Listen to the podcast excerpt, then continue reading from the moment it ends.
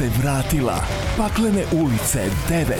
Well, that was new. U bioskopima od 10. juna. Ćao svima, možda je nešto novo u paklenim ulicama broj 9, ali nema ničeg novog kada je reč o Formula 1 i Lab 76. Zašto? Pa, krenut ćemo od najvažnije stvari, a to jeste prvo da vam dobrodošli u specijalno izdanje broj 200, koje donosi šta? Haha, Pavle ovo nije znao, ali dobio je tortu. Haha. Hvala, Momčilo, Tako hvala. da, Momčilo, evo, Hvala, zna se, SKF1 zajednica, od srca jubilej. Tako da, Pavle, dobio si torticu. Šta Molim sam te- ja dobio? Dobili smo, dobili smo svi zajedno. okej, Sad ali vidi, ja. Realno, ti si vozač iz drž... Ti si Niko Hulkenberg ovog podcasta. Dobro, okej, Nema ja sam, ja sam razumeš? vozio sve trke, to je tačno. Tako da... Ali nije zato što ti nisi hteo, nego zato što nisi mogao budeš na dva mesta. Znaš. Opa, vidio, Va, Vanja, Tako je, Vanja, aplauz. aplauz na radio Tako stanicama sada, širom sveta. Ali ovo je lepo. Hoćemo? Hoćemo, a? A? Ajde, ajde da ne izgori kuća. Ajde, ajde, ajde, izgori kuća. Bravo, bravo, bravo, bravo. Hvala Johnny-u pre svega, je li tako? Johnny, veliki pozdrav od ime cele, u ime Hvala, cele hvala ekipe. puno, Johnny, ljudi. mi ti spremamo neka iznenađenja. Jeste da ću se, ja- da sam ja u inkognito modu, ne javljam se baš tako često, ali u pozadini mašina radi, imamo neke ideje.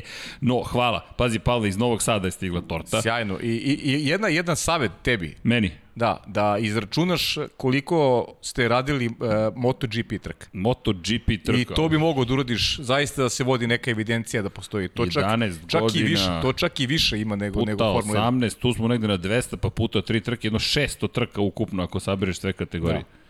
Okej, nije loše. Not Pa da. too bad. Not too bad. I ovih 200, skoro 200, to je, ali dobro. Ej, čestitam. Pa i ja tebi. Hvala. Ja te- Deki, Deki, Deki, čekamo da se To šta ja? Čekamo da Pa te da, ti nekako si- ti si vučemo u kabinu. ti si sve Pa gledao. da, verovatno. Ti si sve Ti si gledao, to je trpeo sve. da, ti si sve gledao. Kako ti je bilo sa nama od početka? Malo vas, malo RTL, Da, da, da. da. multi prenosi, to je to, malo uči RT Nemačka. šta? A, malo vidiš, a malo je beže da. od nas, malo je Da, beže da, od nas. Eto, Nemo- vidiš sezonu o vidiš kaj je Beli imao sad skoro jubilej, njegov je. 500-ta trka. 500 tako, vidiš, trka, da, pa dobro, mi kad bude bilo 500 Da, da, da. Malo ćemo ozbiljnije da slavimo onda. Da, da, kažu ljudi, nedostaje šampanjac. Nema veze, zato imamo čaj. Živjeli. Jeste, čaj. Čaj, čaj. Čaj, živjeli, čaj, da, da, živjeli. čaj. Tako da uzdravlje, popite malo čaja, u svakom slučaju... U stvari, ovo je više kompot. Ima, ima jedna italijanska poslovica, mislim da nije zgodna, da. da je zgodna za ovu priliku. A, bolje mutno vino nego bistra voda. Ok, ali zabava je počela u velikom stilu i da, ovo je naj, najlepše, bez obzira na sve što se dešava u Formuli 1, ne zamerite, ali mi smo ovde pre svega za ljubljenici i u sport i u život i očigledno Formula 1, MotoGP i kosmos, tako da je ovo pre svega proslava. E, Pavle, da, zajedno smo milion stvari radili, ali Jeste. prosto e, treba reći, ti si čovjek koji bukvalno nije propustio niti jednu jedinu trku od kada smo počeli od velike nagrade Turske 2011. kada je prvi put na sport klubu bila Formula 1 u našem, kada smo mi domaćini, nisi propustio ni jednu i postoji samo još jedan čovek u Formuli 1, ne računamo šefove već koji ima volan u rukama koji je takođe to učinio. Da li znaš ko? Znam, sticam okolnosti i to imali, imao sam dojavu iza kulisa. Sebastian Vettel. Tako je, Sebastian Vettel, Leo, Dom Pablo se raduje, navijači Sebastian, opa, vidi ovo, ovo nisam znao. Kimi Raikkonen, 339, Fernando Alonso, 321, Lewis Hamilton, 273, Sebastian Vettel, 264, Sergio Perez, 202, Srđani Pavle, 200, hvala što sam uključen u celu priču. Pa naravno da je Daniel Ricardo 195, tu sam kao Ricardo i Valtteri Bottas 163. Novajlija. Novajlija. Novajlija, Pa Nećemo ni da. Da pričamo. Da, da. Tako da, i broj pobjeda u poslednjih 200 trka, agresivno kreću večeras. Hamilton 83, Vettel 41, Nico Rosberg 23, pa Max Verstappen 13, Valtteri Bottas 9, Daniel Ricciardo 7, po 6, Jenson Button, Fernando Alonso, po tri, Mark Webber i Kimi Raikkonen, e od te tri jedno je prenosio Branislav Pralica. Ne, Jest, jest, ali jest. istinito. Charles Leclerc i Sergio Perez po dve i Pastor Maldonado i Pierre Gasly po jednu. Čak smo i Maldonadovu pobedu prenosili. Jest. Fenomenalno. E, to smo radili zajedno, to si Jeste. sigurno. Velika nagrada Španije 2012. Tako je. To je baš bilo luda sezona. Kad je gorelo, kad je, kad, je gorela garaža posle. Jeste.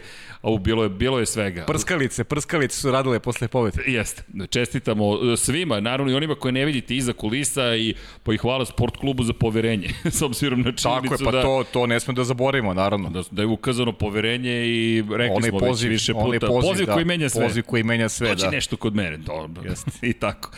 Okej. Krenuli smo, eto, 200 trka, zato i Lab 76 broj 200. Nismo imali ni 100, ni 99, ni 91, ali nema veze, imamo zato 200. Ti, ovde sve, anything goes, sve može da se desi, tako da hvala. Inače, stiglo još poklona, dresova, stiglo još milion nekih stvari, hvala svima, zaista fenomenalni su pokloni.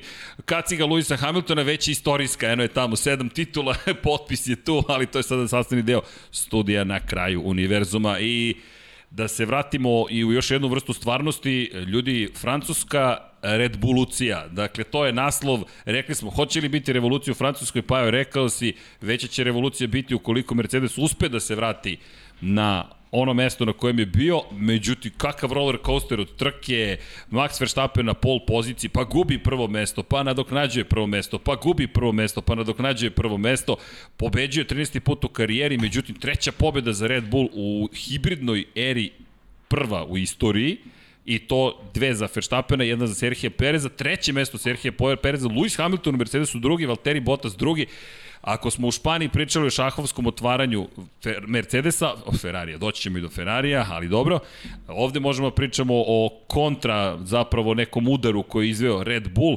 To je neke, neka prva stvar kada pričamo o samoj trci, no pre nego što krenemo da ne zaboravim, ljudi, vodite računa jedni u drugima, naravno, kao i uvek, voli, volite se, mazite se i pazite, evo mi to uspešno činimo 10 godina, pa je ja vikende provodimo zajedno. Kad mi vikend Volimo nije- se, mazimo se, mazimo pazimo se i se. pazimo se. Tako je, vodimo računa kada vikend nije spavim nekako šta se, šta se desilo, kako je ovo moguće. Pazi, sad ima 23. Kad dođu do 52 trke godišnje, onda... Sad vezujemo i naredna to, dva. To je Sad kad to. kreću sprint trke. Sad. Svaka krenuo iz printa. Ko u tabliću morat ćete da pazite Jeste, ovaj, šta piše. Gde Da šta ne pišemo. da, da. Ali da, vodite računa jednim drugima i eto, uvek smo, uvek smo tu. Podržite Luku 923 na 3030 ili bilo koga u svojem okolini ili ako imate neku ideju dajte predloge, rado ćemo podržati. Inače, Mada, jedan poziv koji sam dobio, ovaj, onako, mi sugeriše da ćemo možda da budemo i aktivniji tokom narednih I godina. to ali- u večernjim terminima. Ali nećemo, ali, okej. nećemo o tome da pričamo uopšte, nema, Da. nema, nema razloga da se priča za sad. Ajmo korak po korak. Da. Da, da, mo- možda ćemo i više vremena provoditi zajedno. No, okej, okay, nije, nije loše. potom, dobro, Može da. biti i gore, Pajo. Može biti i gore. Ali, da se vratimo na ono što smo rekli, dakle, da, još jedna bitna stvar. Uh, Infinity Lighthouse stigao nam je još jedan dres, ako se ja ne varam, ili će im neke stvari stižu ponovo na aukciju, pa pratite limundo.com kroz Infinity Lighthouse. Ukoliko volite uspomene iz sveta sporta, a želite podržiti neke humanitarne akcije, mi ne uzimamo nikakav novac za to. Dakle, Dom Pablo, ekipa, Uh, ko, e, Ivan nam je došao, pozdrav Ivana, Vanju, Momčila, dakle, Irenu, to su ljudi koji stoje iza svega toga i javljaju se prosto ljudi i mi ne uzimamo ni procenat, ni ništa, samo posredujemo, ističemo da se nešto događa, tako da eto, podržite akcije, a naravno palite i neki like, zato što je to tako zabavno. No, da krenemo. Kao što smo rekli, ljudi, sedma trka, tri pobede za Verstappena, povećano vođstvo u šampionatu sveta, Mercedes, to je Hamilton, ima tri pobede, jedna za Serhije Perez, ali koliko drugačije izgleda ova godina. I opet staza koja je trebalo da bude dosadna, trka koja je trebalo da bude predvidiva, mesto na kojem je Mercedes pobedio dva puta upečatljivo, Red Bull i na pol poziciji i brz na pravcu i strateški bolji. Pa, očigledno da više nema dosadnih trka i mislim da su one iza nas kada kada pričamo o šampionatu Formu 1, makar u tekućoj sezoni. Ne znamo dakle krenemo, da krenemo od te greške Maxa Verstappena, recimo početak trke kada je Hamilton iskoristio tu grešku, poveo uh, i čini mi se kasnije da je Red Bull odigrao strateški jako dobro. Pogotovo u onaj moment eh, kada su se vratili na stazu na tvrdim gumama, imam utisak eh, da je Red Bullov prosto izbor bio, logičan izbor bio da još jednom idu na promenu pneumatika. Jer sam ubeđen da je Mercedes imao bolji tempo. I Hamilton, Valtteri Bottas, problem je bio opet to što je Mercedes čini mi se napravio pogrešni, po- pogrešnu strategiju što je Bottasa prvo uh, izveo da, da menja pneumatike. Čini mi se, deki, srđane, da, da su oni hteli da pobede Maxa Verstappena sa Valterijem Bottasom. Da su bili ubeđeni da mogu Valterija Bottasa da izvedu ispred Maxa Verstappena, da je to bila opcija i da su tu se možda zaigrali, napravili strateški loš potez. Kasnije je e, Max e, kroz e, boksove uspeo da vrati prvu poziciju, ali kaže moj utisak da je imao sporiji tempo značajno na tvrdim gumama u odnosu na obe Mercedes. I da je neko logičan izbor bio kao što je Mercedes uradio u Barceloni, da Red Bull povuče Maxa na promenu pneumatika i da su tu taktički iznenadili Mercedes baš kao što je njih e, Mercedes iznenadio u Barceloni. Evo to je ga- makar moj utisak. Evo ga taj moment, iskreno, ja bih, znaš gde bih nas ja vratio? Ovo je analiza trke. Evo da bacimo pogled. Max Verstappen koji odlazi prvi, e, zapravo, prvi odlazi Valtteri Bottas da menja gume, kao što si rekao. I pokušavaju undercut da izvedu. To jest, da, time što će prvi da menjaju, imali smo overcut dve trke za redom, ali ulične trke, specifične situacije dok se zagreju pneumatici i prosto je situacija u kojoj kada je pneumatik hladan, mnogo ste sporiji. To je redkost zapravo na svežim gumama. To je međutim bio slučaj u Monaku, to je bio slučaj u Baku. Ovde, M visoke temperature, M trkačka staza, odlazak ranije uglavnom podrazumeva nekoliko sekundi prednosti automatski u tom inicijalnom krugu. I to ono što si rekao, da je pokušao Mercedes s Bottasom da povuče opet šahovski potez. Verstappen je pogrešio na početku. Greška u prvoj krivini, Hamilton je preuzeo vođstvo i sad se menja situacija. Prvi, treći, drugi, četvrti. Doći ćemo do ključne figure, ja mislim, da pričat ćemo o pritisku. Neko nam je rekao dosta više o pritisku. Ne, ne, ljudi. Pa to... Pričat ćemo tek sada da. Da. o pritisku koji osjeća Mercedes, ali koji osjeća naravno Red Bull. Međutim, vratio bih nas malo kasnije na zapravo prošlu godinu i mislim da su ključni ljudi za ovogodišnji šampionat Aston Martin, to jest Lawrence Stroll i Sebastian Vettel, koji su doveli do jednog, možemo reći, domino efekta koji je sve sada doveo, koji se uveo u priču u kojoj Red Bull ima vozača broj 2, jer to je ono što je godinama nedostajalo i to mislim da je takođe počelo da utičite kako na razmišljanje u Mercedesu i mislim da je ovo sve rezultat Serhija Pereza Slažem zapravo se, slažem se. da je sve počelo još onda onog momenta kad je neko rekao hoćemo Sebastiana Fetela u Racing Pointu, doveli su ga, otišlo, otišlo, pretvorilo se to u Aston Martin, a onda Red Bull prvi put u svojoj istoriji rekao čekaj, šta ćemo da radimo sa vozačem broj 2? Kukaju godinama da nemaju vozača broj 2, pokušavali su da dovedu mlade vozače, međutim to nije uspevalo. Imamo čak i grafiku, Momčilo je spremio prvih sedam trka za vozače Red Bulla koje su vozili. Mislim da je ovo važno iz perspektive uvoda. Sve ćemo da obradimo, nemojte ništa da brinete. Pogledajte ovo, kako izgleda. Ovi što su se izmakli gore, ovih pet, To su Max Verstappen, koji je najuspešniji bio, na poziciji 2 Sergio Perez po uspešnosti u prvih 7 trka u Red Bullu, pa Daniel Ricardo, pa Sebastian Vettel, pa onda Aleksandar Albon, zanimljivo da je bio vrlo uspešan po broju poena, inače Vettelove poene iz 2009. smo pretvorili u trenutno bodovanje i na dnu su zapravo Pierre Gasly i Dani Kvjat. Pogotovo Pierre Gasly je tu problematičan. I sad ako se vratimo na današnji moment i pogledamo Serhije Pereza koji je tu gde jeste, četvrti u kvalifikacijama, odbranio četvrtu poziciju na startu, Mercedes da, može, mora da vuče potez, ali tamo negde Sergio vozi neku svoju trku. Ako se vratimo Vanja na pogled na grafike koje smo videli za Pirelli, vidjet ćete Sergio Perez koji je u 24. krugu tek promenio gume. Možda deluje kao mali broj, šest krugu razlike, ali ogromna razlika na kraju to ispala. I mislim da tu počinje zapravo sve ovo što se sada vidi i dodao bih na to ono što je rekao Christian Horner, šef Red Bulla, odmazda, to jest vratili smo Milo za drago, mislim da je to reč za šp, o Španiji, pa kada jeste. je Hamilton samo sa druge pozicije pobegao na zamenu guma i, i Verstappen rekao mi nismo imali šta da uradimo. Ne znam šta vi mislite o ovom. Ali sve se slažemo, ali mislim da, da u celoj priči ima i, i loših poteza Mercedes. Da, da, apsolutno loši potez. Začinjeno je lošim potezom Mercedes. To je taj pritisak o kojem ti Perez, pričaš. Perez nije bio u trci s početka. Perez nije mogao da prati tempo vodeći Ne. Nije pratio tempo. I možda to je- onda je reakcija Valterija Bottas. Ljudi i sam rekao da da ne mogu da završim trku na jednom setu guma. Valtteri Bottas je ponovo bio žrtva. Ponovo je bio žrtva, e, nisu uspeli da urade svoj plan, oni su njega žrtvovali zarad e, Luisa Hamiltona. I to je nešto što prati karijeru Valterija Bottas, jednostavno on, on iz te kože ne može da pobegne. Ne, ne, nema gde. Dobra trka Valtteri Bottas u suštini. On je pratio odlično tempo i, i, i Luisa Hamiltona i Maxa Verstappena. On je bio tu neko za ostatku od sekund i po. Valtteri Bottas prilikom promene pneumatika strašne krugove je vozio na, na, na tvrdim gumama. I čini mi se čak i na momentu imao čak i bolji tempo od Luisa Hamiltona.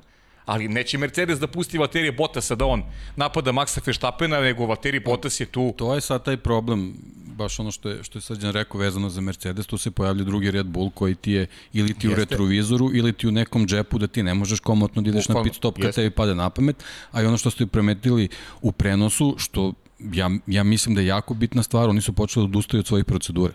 Jeste. I to je, znaš kako, kad imaš neki ustaljen ritam gde bukvalno svako zna šta treba u kom trenutku da radi i onda to kad krene da, da se remeti, potrebno je neko vreme da, da se navikneš na nešto što, što ti nije nešto ubičeno, što ti nije rutina. Tako da ima, ima, ima svega, ali definitivno pojava Serhija Pereza, pod navodnicima pojava u ovih poslednjih nekoliko trka jednostavno remeti sve kod Mercedes i to se vidi.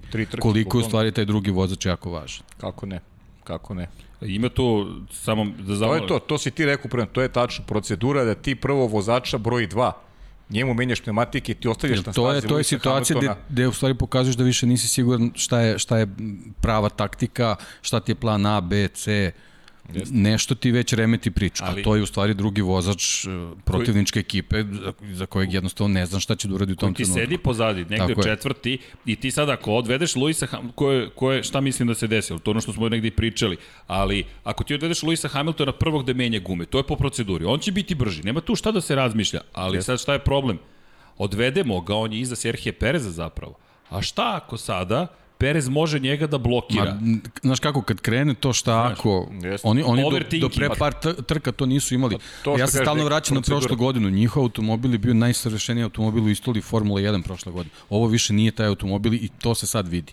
To je jednostavno to. Kad se, kad se razni faktori spoje, dolaziš do ove situacije, dolaziš do situacije s prošle trke, to je jednostavno to.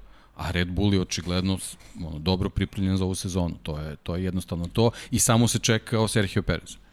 To je u stvari bio Pavle, ključan faktor. ponavljao. Če, bukvalno se, jer Pavle, pričao si o tom drugom vozaču, Red Bull je godinama pričao o tom drugom vozaču, pokušao, zapravo mislim da sve počinje još ranije od Daniela Ricarda. Daniel Ricardo koji ih je sve iznenadio kada je rekao, ej, odoh ja. Ode. On je čovjek 2018. na polovini sezone rekao ja napuštam Red Bull. I 2019. i 20. proveo u Renault. Rekao je Red Bull, mi, mi želimo da zadržimo Daniela Ricarda. Ko ne bi želeo da zadrži Daniela Ricarda u svojim redovima? Ali, problem je u tome što su mu jasno stavili do znanja Max Verstappen je naš izbor za šampiona. A mislim A da to nije, nije njegova ambicija Tako bila. je, tako je. To je A- a- potpuno okej. nije samo ni to. Malo je tu više i pitanje i novca. Pa naravno. I, On imao daleko najslabiji ugovor od svih vozača koji su vozili tada za te velike ekipe. Red Bull je velika ekipa. A daleko. generalno to je to je ono problem sa Red Bullom. Ti momci Jest. mladi koji dolaze jednostavno ne mogu da očekuju finansijski dobre uslove i onda samim tim kad ti neko stavi do znanja ti nećeš Tako biti je. na poziciji koju, za koju očekuješ naravno svojim ambicijama da ćeš biti potpuno je okej da, da, da ne možete pronađete zajednički jezik i to je skroz okej. Jest. A očigledno sa Serhijom sad već malo drugačije funkcioniše momak koji je ozbiljno iskusan, mnogo trka iza sebe, on već nema, nema tu neku preteranu ambiciju da, da ono preko noći postane svetski šampion, već jednostavno da iskoristi priliku što je konačno seo automobil koji odgovara njegovom potencijalu i, i to se nekako sad uklopilo, vidjet ćemo kako to sve dalje da funkcioni, funkcioniše, ali za sad Christian Horner može da bude zadovoljan. Je- Jeste. Pritom to. Red Bull nije ispoštovao ranije neke svoje mlađe vozače poput Gaslija i Albona nisu nisu dali pravu šansu. Nisu ni imali vremena da daju pravu šansu s obzirom da oni prosto su morali da kreiraju uslove u kojima će Max Verstappen reći ja sam zadovoljan. Da. Ja sam svime zadovoljan jer jer jer nije nije poenta voziti sa kolegom koga obilazi za ceo krug, manje više na svaku na svaku treću trku. To zaista eh, ni jedan šampion ne može bez pomoći timskog kolege da napravi Tako je. u, konkur, u kad, imaš I konkurenciju. ovo je sad već, pričali smo to malo i drugačije situacije, generalno za Red Bull vezano za vozača. Oni su ranije imali vojnike, uključujući Sebastina Vetela. Pojava Maxa Verstappena donosi neku sasvim drugu priču, on, on se nametnuo kao zvezda i jednostavno tim sad mora da, da se ovaj restrukturira oko njega. Jeste. I to su otprilike uradili, pronašli su očigledno vozača koji može dobro da, da obavi svoj zadatak, eh, kako ono kažu, čuvara prelaza vozača broj 2 i evo dve trke za redom, to je to. Da, i ima U jedno... trenutku, izvini, u trenutku u Baku kad, kad Max ima, ima nezgodu, Serhiju uskače i oduzima bodove. Oduzima bodove, zabeleži pobedu. I evo ga, to. razlika između Pereza i Botasa. I jedno od pitanja jeste da li mislimo da je čuvao gume na početku očekujući jedno stajanje. Nije nemoguće. Nije nemoguće da su i tu oborili tempo i rekli ok, mi kontrolišemo sada situaciju. Ne znamo. Ali činjenica je da imaš opcije. Sada imaš opcije. Verstappen time što nije poveo je morao da prihvati da prati u toj situaciji. Prvi, Treći, Mercedesi. I sad, ono što si lepo rekao, Bottas odlazi prvi pokušaj da se preskoči Verstappen. Međutim, gde Mercedes još greši? Ako bacimo pogled još jednom na grafiku i imamo zaista veliku razliku između pobednika i poraženog.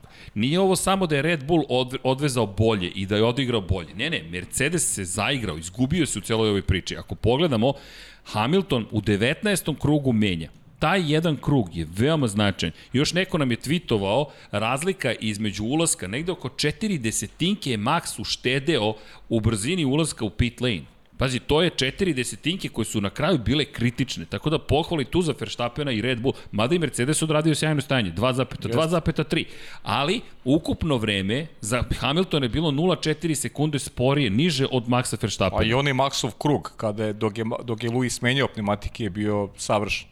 Jeste. I tu ga je, tu ga je prestigao. Ali i, i sve češće čujemo Luisa Hamiltona kako se ovo dogodilo.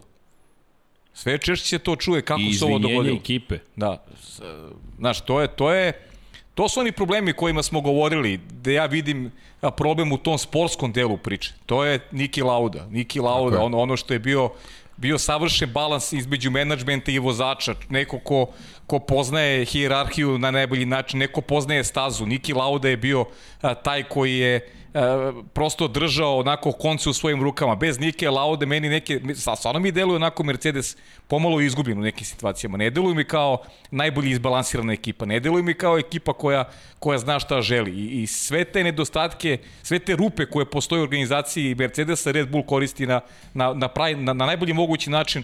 Predvođen Maxom Verstappenom koji je sjajan vozač, znači Max koji možda pare Lewisu Hamiltonu kada govorimo o vozačkim kvalitetima, a Red Bull kao ekipa koja vidimo jedan rast u, u, u svemu, u organizaciji, u, u pristupu trkama, veća sigurnost sa Serhijom Perezom koji je sada u, u fokusu.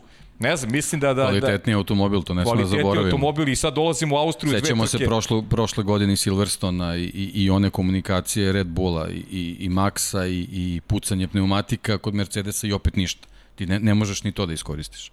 Znači jednostavno sad, si, sad imaš u, u svojim rukama bolid koji mnogo, mnogo, mnogo je bolji. To što ti kažeš, verovatno Mercedes jo, jo, još ima ovaj tempo dobar, ali kad se sve sabere Red Bull je u ovom trenutku ispred i to se vidi po rezultatima. Vidi se, vidi se. Dakle, Red Bull Lucija se desila. Desila Definitivno. se, A desila idemo na stazu Red Bull Ring i dve trke za redom biće velika nagrada Austrije i ponovo velika nagrada Austrije, neće se više zvati velika nagrada Štajerski bakar prema ovom najmu. E, kada to spominjemo, pošto nećemo baš da segmentiramo, da sečemo na e, veliku nagradu Francuske i veliku nagradu Austrije, prosto toliko će biti zbivanja da smo rešili malo da iskombinujemo stvari. dobro, da. Prosto je nekako i logično da, da, ne, da sad ne prođemo sve, pa onda, e, sad da vam najavimo veliku nagradu Austrije. Već je ovo najava velike nagrade Austrije. Toliko zapravo da Pirelli kasni sa dostavljanjem nekih informacija koje obično dostavlja utorkom. Možemo da bacimo pogled Vanja na ono što je Bogdan pripremio, to jest ono što je Bo...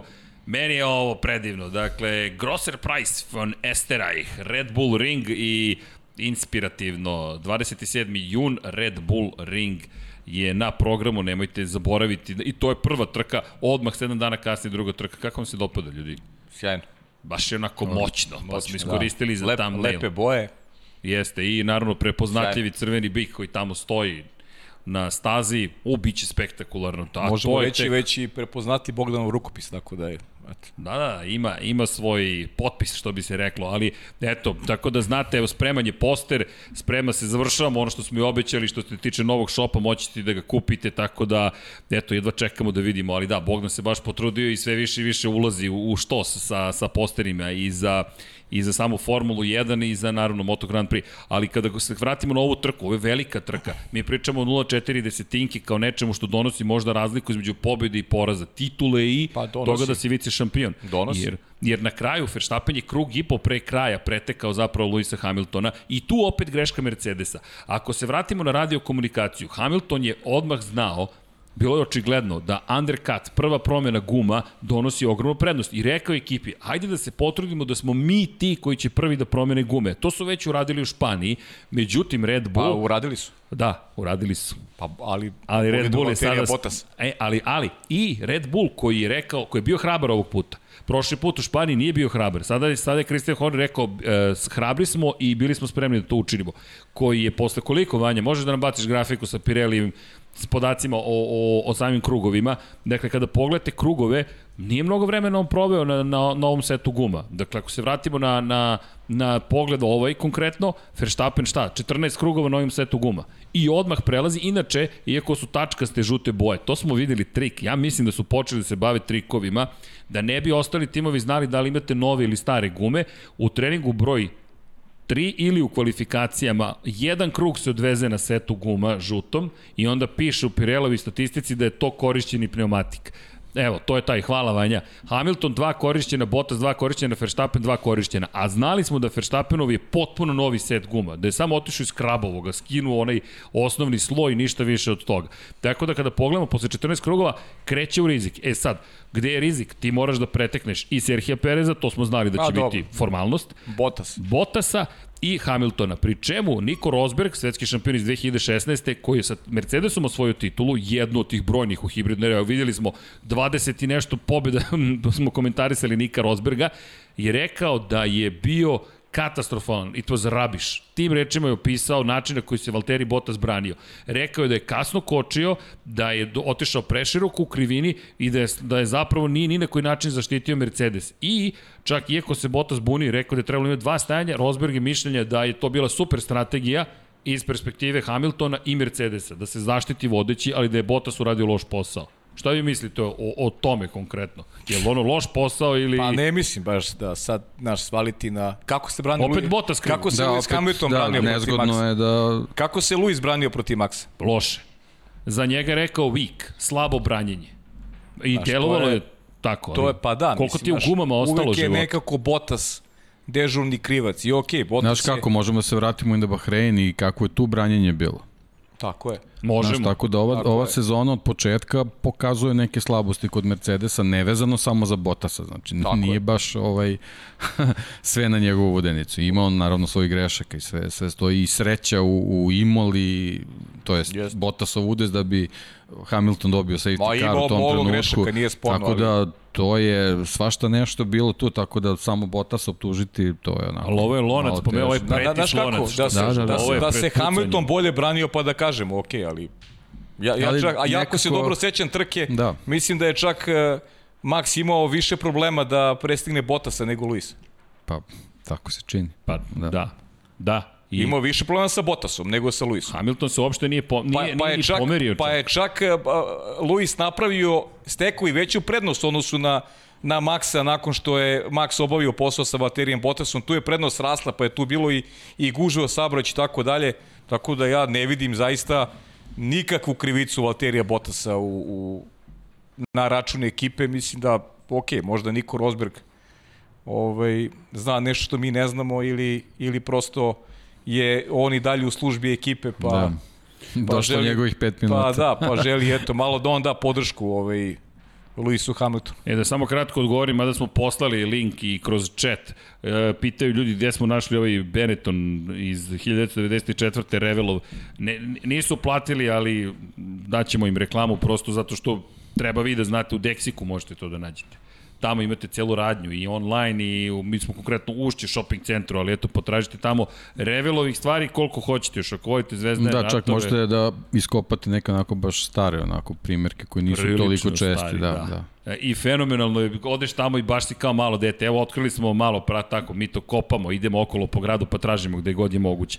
Ali ono što je, dajde da se vratimo od sada ovo, ovo je, to je neko davno prošlo vreme, mada neko je tweetovao pre neki dan fotografiju iz Jordana, Michael Schumacher, pa smo samo palili retweet i napisali početak sve je tamo počelo, neki 91. Evo, 30 godina kasnije. Ali kada pričamo o konkretno da, dežurnim krivcima, Bottas je baš zapatio tu ulogu. Bottas koji je psovao na kraju, Toto Wolff, šef ekipe, je rekao da mu je drago zapravo što Bottas najzad pokazuje emocije i da je zadovoljstvo gledati Bottasa toliko iznerviranog.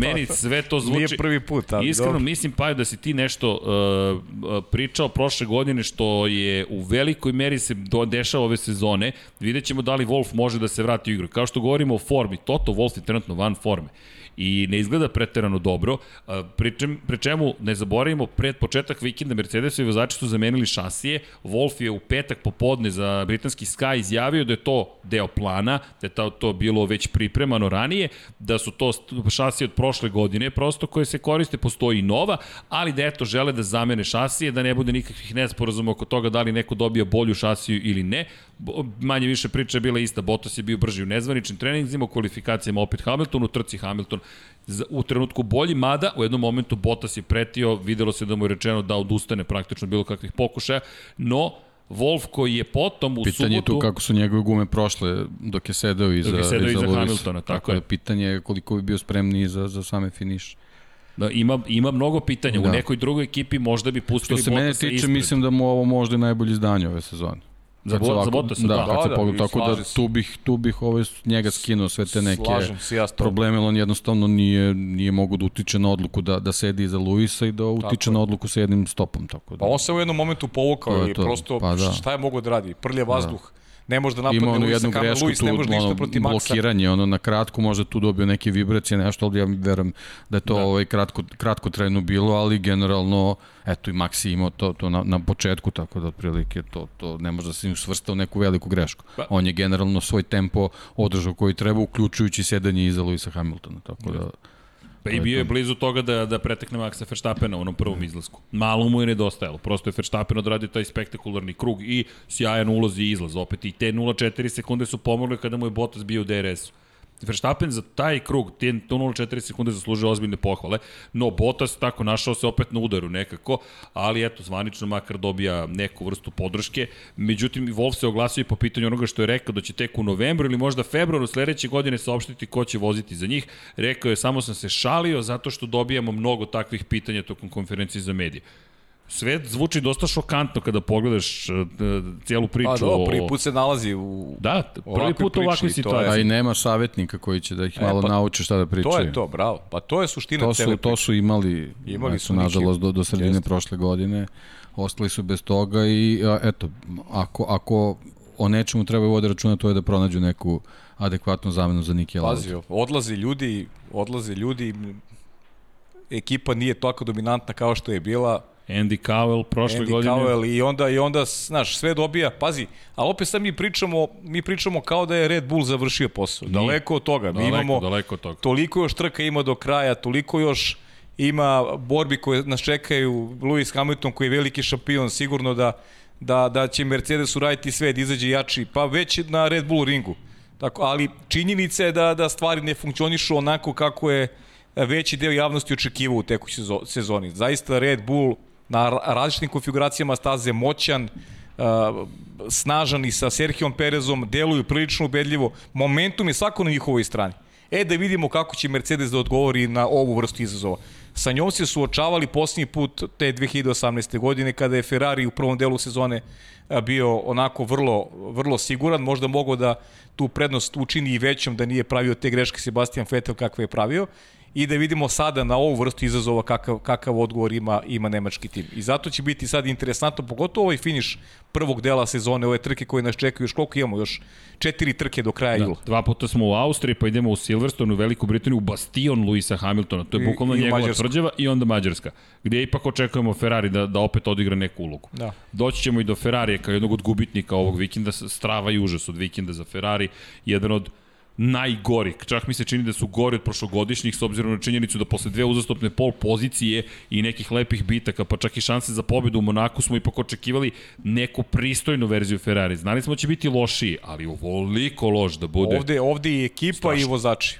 Da, i ekipa Rekli smo tokom trke, delovalo je da, da je recimo Leclerc da je bio zreo za promenu pneumatika u u nekoj ranoj fazi, u, u principu ne ide kada je, kada je Max menjao gume, misli da tu Ferrari propustio priliku da na bolidu Charles Leclerca zameni pneumatike, da ga učini konkurentnije možda u finišu trke, to se nije dogodilo i tu su propustili, čini mi se, ključnu priliku. Kao da tim nije e, verovao da mogu da budu toliko loši. Kao da je i njih šokiralo što su a, baš loši na stazi. Pa evo, ako pogledamo na stanje Charles Leclerc pozicije tokom trke, ti si sedmi, pa onda si 18. pa nešto napreduješ ponovno do sedme, pa onda pad, pad, pad, pad, pad, pa skočiš na 10. pa se vratiš na 16.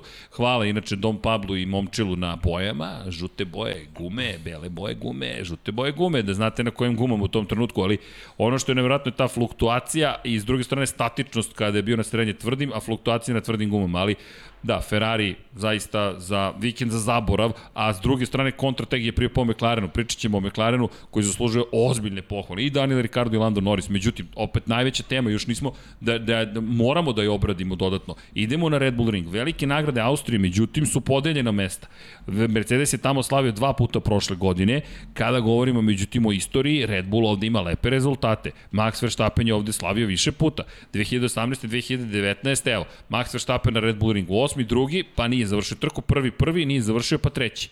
Ona prva trka u 2020. ne znamo kako bi se završila. Upravo to, to, To sam je, baš tako da to ja, da. nije, nije merilo Nije, da. ovo Tako njegov, je. znači prvi, prvi i treći u nastupima, to je za respekt ozbiljno. A ovaj, ona, onaj kvar elektronike, to, To je problem jednostavno prosto, problem, to, to, da. to je nešto drugo. A ovo je veći problem za Mercedes. Ako pogledamo Hamilton, četvrti, pa nije završio, pa peti, pa četvrti, pa prvi. E sad, gde je problem bio? Što je godinama Red Bull Ring bio strava i užas za Mercedes iz perspektive visokih temperatura. Leti se obično odlazi u Austriju, jesu u Štajerskoj oblasti, jesu Štajerski Alpi, 700 metara nadmorske visine, ali bez obzira na to, visoke temperature i Red Bull je tu imao prednost. Ferrari kada je bio na nivou sa Charlesom Leclerom je imao onaj žestok duel Max Verstappen, čuvena kontroverzna pobjeda Maxa Verstappena, međutim opet je pobedio, ali Ferrari je bio igra, Mercedes opet nije ličio na sebe. I sad ukoliko se to ponovi, pazi sad gde dolazimo, i za Hondu takođe, i pohvale, četiri pobjede Honda ljudi ove godine. Neko je pitao da li mislite da je Hondi žao što se sada povlači. Ne samo to, tri pobede za redom od 1991. Da, Da. prvi put od to 30 godina, deki. Ne samo u hibridnoj eri, nego od 30 godina od kada su slavili. A u to vreme Ayrton Senna i Gerhard Berger u McLaren Hondi. Davno prošlo vreme. Wow. Plus, Ko se kao, toga ozbiljno. Kvam perfekt. Ko se to... Znam ko se seća. Evo ih za stolom, sećaju se. A neki su gledali u snimcima. Ekipa tamo iza. Ali, ali da, neverovatna Honda. I opet se istorija ponavlja. Uvek se istorija ponavlja. Honda sada kada izlazi, dobije najbolje izdanje. Honda kada je izašla, Bron Grand Prix nastao, kupili i i tako dalje. E da, dobi smo kritike za Jensona Batona. Poštujemo Ja Jensona dobio. Batina, bat, Ja sam Batina, Batina, Dobit ćemo batine zbog Batina Jensona će da radi. Pa ne, ja sam, ja sam to rekao, ali to je očigledno pogrešno shvaćeno. Nije, prosto samo sam želeo da kažem kako nije ista titula Jensona Batona i nije ista titula Nika Rosberga, da nema istu vrednost, eto, samo, samo to. Jer kad pobediš velikog šampiona u borbi za titulu, mislim da ima veći značaj nego Gde kad pritom pobediš ne znaš ko je sve, ko, ko je sve protiv da- njega. Pazi, Tako je. To ćemo čitati Dom u nekim Pablo memoarima. Batina. Biće Tako Dom je. Batina Da. kako vas gleda Dom Pablo, ja se s njim ne bih kačio, ali okej. Ali dobro, da, da, da. Jenson Batina. Jenson Batina, Ovo da. možemo da zapamtimo negde. Dobro, da, ali da, po, i tu je knjiga Jensona Batona koji se takođe oglasio, inače, inače nekom je, da, Dom Pablo mi reče da je holandski naš kolega uspeo i da opsuje usput u momentu kada je Max Verstappen pretekao Luisa Hamiltona. Koliko to znači na nacionalnom nivou, koliko će u Velikoj Britaniji biti zanimljivo šta će se Ma tek u Zandvortu. O, Zandvortu, Zandvortu, au, da. tamo će da bude, tamo će da bude. Dobro, to su emocije, mislim, mogu da razumem ljude koji onako rade. Zamisli da ima... Zamisli, Miloš, Miloš Pavlović, Pavlović. ide na pobedu Pa, mislim, i, da. i nas dvojica... Kako bi reagovao da Miloš Pavlović kabinu, napada za- za- E, vozio za vikend u Zandvortu, bio na pol poziciji. Znaš, Hoćemo tako da bacimo pogled, šta? Pa ne znam. Ne znamo, a možemo, pa ovo je podcast, Ako ste zabavljamo spremili, se. zašto da ne? Kako, Smo spremili, Vanja, nemam pojma. Nema više ovaj kadar, mnogo je sjajno odavde. Da. Ubija kameru. Moramo šminkernicu da dovedemo. Definitivno, ne, moram ja da, Stara da priča. prihvatim godine. Okej, ovo je, šta? Ovo je pol pozicije za Miloša Pavlovića. Super trofeo, am, am, automobili čekaj, čekaj, Lamborghini. nije ovo, znači treba Zandvort da bude. Zandvort, ne, ovo je Kota, ovo je nešto drugo smo poslali. Ništa, Vanja, poslaćemo ti pravi link, izvini. Pogreši smo. Exit full screen. Napusti ekran. da, ali da. A kada pričamo o Milošu Pavloviću i Jensonu Batonu, Koga je pobedio u tituli, Jest. u borbi u kartingu. Miloš Pavlović. Da, Miloš Pavlović. Tako da da, verovatno bismo pojeli mikrofon da, da, da, da, da pobeđuje neko. Dakle, u, u, u Francuskoj Luisa Hamiltona iz Srbije ili iz ovih, sa ovih prostora generalno. Dakle, bila bi ludnica opšta. No, Max Verstappen na kraju kruga i po pre kraja, bilo je dramatično i to je super izjava njegova. Ne znam da li ste čuli, kada je pretekao Hamiltona i kaže šta sad? Šta sad? Kao polako smiri se. Sada podesi, uh, ne znam, prekidač broj 7 na poziciju broj 9. Sve je u redu. Uh, Koliko je i njemu bilo, kao da se zbunio. Ok, pretekao sam ga. Šta sad? Sad polako. Sad završi trku. Teška trka, naporna Teška, trka. teška. Znaš, posle one greške trebalo se vratiti i zamena pneumatika, borba sa Bottasom, borba sa Hamiltonom, pa onda jurnjeva za Bottasom, za Hamiltonom. Teška, fizički, sigurno istrpljujuća, ali verujem da je njemu jedno od, od lepših u karijeri, siguran sam. Jer ovo je bio, ovo je bio zaista bitan moment za, za sezonu. Jeste sedma trka, ali dolazimo, pošto su i Hamilton i Verstappen uh, bili loši u Azerbejdžanu, bili loši, u stvari završili trku pre vreme, nisu bili u poenima. I zato je ova, ova borba za obojicu bila jako važna. Sa mnogo većim elanom sada i samopouzdanjem dolazi na domaću stazu Max Verstappena, opet možemo da mu isti naslov kao pred, eh, pred Austriju. Uh, pardon, pred ovu prošlu trku uh, kada je Mercedes u pitanju. Mercedes jednostavno mora da uzvrati udarac i mora bude na, na, na, na visokom nivou. Mora pobedi, da nađe način da pobedi Red Bull kako zna i ume. A za to je neophodan i, i vozač broj 2. Neophodna je dobra forma Valterija Bottasa, neophodno je da Lewis Hamilton bude savršen. Sada stvari moraju da budu savršeni, jer samo tako može da se pobedi Red Bull. Da, čini se da se baš okrenula situacija i da je Red Bull jedna, taj koji je ni preuzeo jedna greška, primat. ni jedna greška ne sme da se da se negde potkrade, da se da se da se dogodi tokom trke i kada je taktika u pitanju, a, ponašanje vozača, mehaničara, sve mora da bude a, na maksimali kako bi Mercedes mogao da pobedi Red Bull. Promenile se stvari, rekao smo, Red Bull Lucija, desila se, definitivno se dogodila. E sad, Hamilton, Bottas, Mercedes u nekoj drugoj poziciji u kojoj nisu bili realno od 2013. godine, od 2014. traje Pa dominacija. nikada, apsolutno. da, nikada nisu bili u ovakvoj poziciji. Evo, borba za titula u šampionatu konstruktora, Red Bull ne pušta svoju liniju, ide svojim putem 215 poena, već sada 37 bodova prednosti i ovo što si rekao, Red Bull smanjio broj grešaka i to je isto važno napomenuti. Red Bull je smanjio broj grešaka, pogotovo ta Španija deluje kao da je bila katarza. U, u momentu kada se završila trka, Max Verstappen je disponiran. On priča o tome da, da im treba bolji bolid u tom trenutku. Evo, tu je bolji bolid, ali ekipa je sve bolja, on je sve bolji, Perez je sve bolji, ali to ti je potrebno ukoliko želiš da igraš protiv Mercedes. Mercedes u, protiv bilo koga drugog je daleko ispred. Ovo je pohvala iz jednog i kritike naravno za drugi. Znaš šta nije loše pogledamo, da, da baciš pogled na tu 2018. godinu i e, kakav je učinak imao Kimi Raikkonen u prvom delu sezone. A, apropo poređenja drugog vozača Ferrari u to vreme i drugog vozača Red Bulla, mislim na Serhija Perez. Koliko je Kimi Raikkonen uspevao da prati a, dobre rezultate Sebastina Fetela? Da li je Kimi mogao da pomaže Fetelu način na koji sada Sergio Perez pomaže Maxu Verstappenu? Pa- jako bitno, a, interesantno za analizu. Evo ovako, Lewis Hamilton, Sebastian Vettel. E, u tom momentu prvih nekoliko, e, idem po prvih pet trka. Hamilton drugi, Vettel prvi. Hamilton treći, Vettel prvi. Hamilton četvrti, Vettel osmi. Hamilton prvi, Vettel četvrti. Hamilton prvi, Vettel četvrti. Možemo, evo, ajde do Francuske da idemo. Monako, Hamilton treći, Vettel drugi. Hamilton peti, Vettel prvi. Hamilton prvi, Vettel peti. Raikkonen treći odustaje, treći, drugi odustaje, četvrti, šesti, treći. Valtteri Bottas, osmi, drugi, drugi, problemi odustajanja u Azerbejdžanu gde bi bio prvi, drugi, peti, drugi. Nije loš Raikkonen, Nije. ali ako pogledaš, Valtteri Bottas je bio konstantan. Jeste. Valtteri Bottas je bio konstantan. Posle imao problema Valtteri Bottas u završnici, četiri puta je bio peti i on se izgubio na kraju sezone praktično i imali smo tu situaciju u Rusiji. Od, od Rusije praktično je značajno popustio, ali Valtteri Bottas imao i nekoliko odustajanja. To je imao jedno odustajanje, konkretno u Austriji nije završio trku, gde je inače bio na pol poziciji, ali opet u tom nekom duelu dosta tu izjednačeno. Više je bilo problema u onoj Kini i onaj čuveni moment kada je Ferrari izgubio tu trku u Kini, kada je osmi bio Sebastian Vettel, a imali su pol poziciju, ali nekako se to izbalansiralo. U pol poziciji pripadala Hamiltonu u Australiji, pa ih iznenadio Ferrari sa Vettelom i tako dalje. Ali nije daleko bio Raikkonen.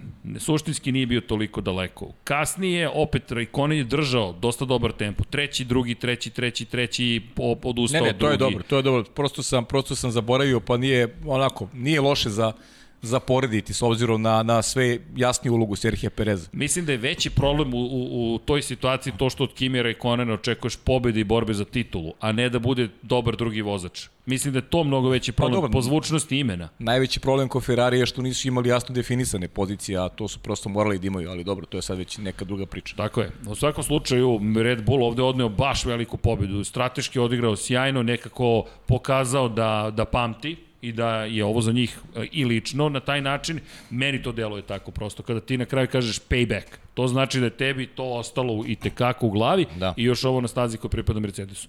Ali eto, prve četiri pozicije, prvi Verstappen, drugi Hamilton, treća pozicija za Pereza, četvrti Bottas. Pohvale za Hamilton u završnici za čuvanje guma. U jednom momentu je baš dobro odvezao na starim gumama, ali prosto nije imao više i slažem se sa, mada ga nije toliko kritikovao sa Rosbergom, Hamilton nekako čudno je branio poziciju na kraju. Nije bio toliko agresivan. Verstappen je samo prošao pored njega, Hamilton je to objasnio i rekao, pa imao je DRS, pretekao bi me kasnije ali dalje čudo, pogotovo što je Hamilton znao agresivno da brani pol. Da, ja sam očekivao posle onog dužeg pravca da će on pokušati da zadrži priključak, da, da će probati još jednom, ali jednostavno ne, ne znamo u kakvom su stanju ja, bile pa te gume. Ali da, ja prepostavljam da da. da je slična priča kao i sa, i sa Bottas. Teško je poverovati da on sad odustao od Ma, borbe, da. da je znao da ima neki potencijal automobil. Pogotovo Pitanje on.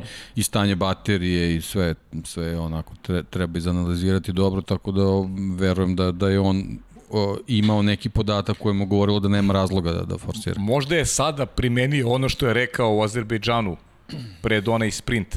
Maraton. Maraton. Možda je sad u glavi imao maraton.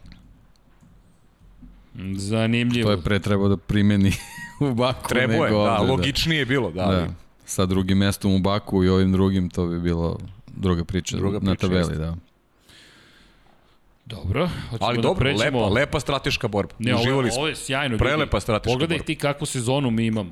Mi i dalje imamo sezonu u kojoj je minimalna razlika između vodećih. Mi ka, i sada kada Šta pogledamo, ovo je, kao da je sve završeno, to tako pola izgleda. Pola trke, ovo je pola trke. Bukvalno pola trke. I, I evo, razlika između vodećih u šampionatu sveta 12 bodova. Da, da. I to uz najbrži krug koji je Max Verstappen odvezao. Da, onaj moment, onaj moment kada je menjao gume, tada je poslije najbrži krug trke.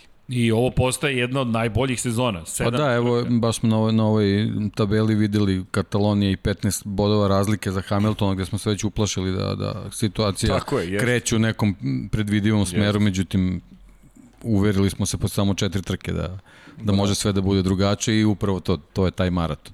Svašta može da se izdešava da, do kraja sezone, ali ovo nam samo uliva ovaj, nekako nadu da dobijemo dva izjednačenija tima. Tako da ćemo imati malo, malo neizvesniju borbu sa, sa željom da se još neko priključi u, u finišu. Znaš šta je jedina ali loša priča ove trke? Što su ostali bili mnogo da, slabiji od, da. od Ova staza je u stvari pokazala Jeste. pravo stanje stvari. Jeste. E, bukvalno, bukvalno pravo da. stanje stvari. Ovi drugi su na nekom onako mnogo skromnijem nivou i ono što smo pričali mogu da kupe mrvici i da se nadaju Tako eventualno je. na Hungaroringu da, da možda nešto naprave Ovaj, ali na ovim, ovakvim stazama, ovakvim konfiguracijama, pa sad u Austriji isto, opet gledat ćemo krug isto. će ih preticati Opet sve. ćemo gledati isto, Mercedes i Red Bull, ovi ostali krug. nemaju šta traš. Kratak, brz krug, ali zanimljivo je Dobro, kratak, Hamilton. brz krug, gužva je, izletne zone su drugačije, može, može na Red Bullu svašta da bude. Da, da, ivičnjaci, start, prve dve krivine, tri, Kvalifikacija. Kako, kako već sad vodimo to, druga, Gore, treća, treća, da, da, da, da, da. Može tu svašta da bude, da, da, da. Vidi, da. stiže i MotoGP. Ovde, ovde nam je bila prognoza, eto ta prva krivina, eto desilo se to sa Maxom, ali nije, ovaj, nismo dobili neku lančanu reakciju na Red Bullu na Red Bull ringu može ne, treća da, krivina da, mene da, zaista da, iz te da. perspektive zabrinjava, jer tamo ukočiti i otići u krivinu koja, ne znam, je skoro 270 stepeni, gde ti ideš ovako i onda nastavljaš ovako. Nije 200 pretera, sam 180 stepeni. 170 sam teo da kažem. Ali dobro, malo, malo se pretera čovjek. No, dobro. To je od čaja. Ali u svakom slučaju činjenice da činjenice da Dobar čaj. Dobar, odličan čaj, prirodni. ali Ili jeste prirodno? Mlak, fin, bez šećera, Tako je. organski. Organski, da. organske da, da. proizvodnje. Sjajan čaj. Gospodin Potkonjak može da posvedoči a, o proizvodnji tog čaja, ali činjenice da, da će u Red Bullu biti baš žestoko. Ali opet, drugi put ove sezone mi imamo 1, 2, 3, 4 za vozača vodeće dve ekipe. U Portugaliji smo to imali Hamilton i Verstappen na prve dve pozicije, treći je bio Bottas, četvrti je bio Perez. Sada u sedmoj trci ponovo ta situacija i niko od ostalih nije ni imao šansu. Suštinski možda je nešto mogao Carlos Sainz na početku u Ferrariju kada je napao Pereza, Perez se to odbranio. Mislim da je to njegov takođe napredak i ono što je bilo važno za Pereza da ostane četvrti da mu je laknulo. Ali peta pozicija Lando Norris, to deluje kao da je neću reći loša pozicija, nego peta je odlična zapravo, to on je pobednik u, za ostatak sveta. I Lando Norris odvezao još jednu sjajnu trku, evo i pogleda na njegove pozicije tokom trke, sa osmog mesta krenuo, izgubio mesto, dva mesta i sjajne vožnje. Do petog mesta, pa pad na 14. poziciju i onda napredak, napredak, I on napredak. identičan povratak kao, Da. kao i na početku, da. Da. Da. Da, odlično je odvezao. Pa, mislim, ajde, kad pričamo o Landu, ali generalno pričamo o McLarenu, neočekivane dobre pozicije za McLaren na ovaj, finišu trke, što Pogotovo kažeš, posle početka, bolji, da, bolji su od, od, od, od, od, najbolji su stvari od ostatka sveta, tako da Pa, izvini, ako ovaj, pogledamo... mislim da mogu da budu zadovoljni ovom trkom. Pa ako Kako pogledamo ne? baš ka, ka, kada su menjali gume, a, vidjet ćete da je opet, kada, kada bacite pogled na Pirelli u grafiku, Norris u 24. isto kada i Perez. Da Norris je baš dugo ostao na ovim gumama, Ricardo zatim ostao takođe dugo, ali fascinantan je tempo bio i za jednog i za drugog. Čuvanje guma i način na koji su došli do ovog uspeha. Znaš šta što me podsjeća zapravo? Malo na Porsche i na uh, šampionat izdrživosti. Znaš, da znaš kako da tempiraš tu trku. Norris je sjajno istempirao. Čovek i dalje na poziciji broj 4 u šampionatu sveta vozača, 76 bodova ima. On skoro 20 poena više ima od Valterija Bottasa. I evo, jedini u bodovima u svim trkama, hvala i za Momčila i za Vanju i za Dom Pabla, dva plasmana na pobjedničko postoje, tri puta peti, to je tri puta sad najbolji Pa evo te ostatku šest puta top 5, od, od sve, sve ti slika govori. Sve govori. Sve govori. Sjajno, sjajno, pritom ide Red Bull Ring, ja ne mogu da zaboravim na njegov poslednji krug i... Protiv Hamiltona Da, da, da. i zaštitio da, prednost. To je borba sa Čekom i to je stvarno Obe- fenomenalno obe bilo trke su i bile dobre ja sam ovde, sećaš se u najve trke, da možda sam se malo i šalio, rekao sam ovaj, uh, Lando, Verstappen, Perez, to mi, to mi je bio poredak, ali stvarno sam da. mislio da će biti dobar ovde, ali ovo eto, bukvalno je pokazao kako iskusno može Pa, da, da se izvede i kako da se čuvaju gume. Meni je bolje bila Da. druga trka prošle godine njegova. Da. Kad je u posljednjem krugu nadoknadio tri pozicije. Na Da, Red- i to je Red isto Bull bilo Da, da, sjajno. da, Jeste, da, Na da, Red. Bull ringu tri Kompletan- pozicije komplet- nadoknadio u, u drugoj trci. Kompletan Red Bull To je Ring ono kad si je... ti bio koronizovan. Ja sam, ali Da, tu da. nisam prenosio, prvu sam Nisi, prenosio. prvi Sad mi je palo na pamet Red Bull Ring, prvi sam prenosio. Da. To mi je bila briljantna ideja. I u sred kovida ja Ne, prenosim, bila. bila je briljantna ideja, posle toga sam zapatio u upalu oba plućna krila, završio na antibioticima, nisam se oporavio još pet Da, spa, nedelja. da spavaš do petka, sad pravo u krevet. Pravo u kret. Ne mogu, moram sutra da potkonjak, gospodin bra, me čeka. da, one- Urednik me čeka, da li si svestan? Znam, on je, on je gospodin u crvenoj majici. Gospodin u crvenoj majici čeka me za... Ej, jesi gledao trku MotoGP-a? video sam finiš. Tad sam došao ovaj, i video sam finiš. Uvek se iskusno izvuče, uvek ima dobro Uvijek odgovor. Si primetio? je, jesi, da. Nikad nije rekao to- gledao sam Kao da je u, celu kao da je u srednjoj školi. Znaš ono kao, zašto kasniš? gledao sam neke, kasnio, gledao sam neke, ali pobednik mi nije odgovarao, pogotovo tako da, znaš, nije, Pa mi, je ovaj, vrlo iskren nije mi bilo zabavno uopšte, da. A Iskreno. bilo je, ali bilo je istorijski moment iz perspektive sporta.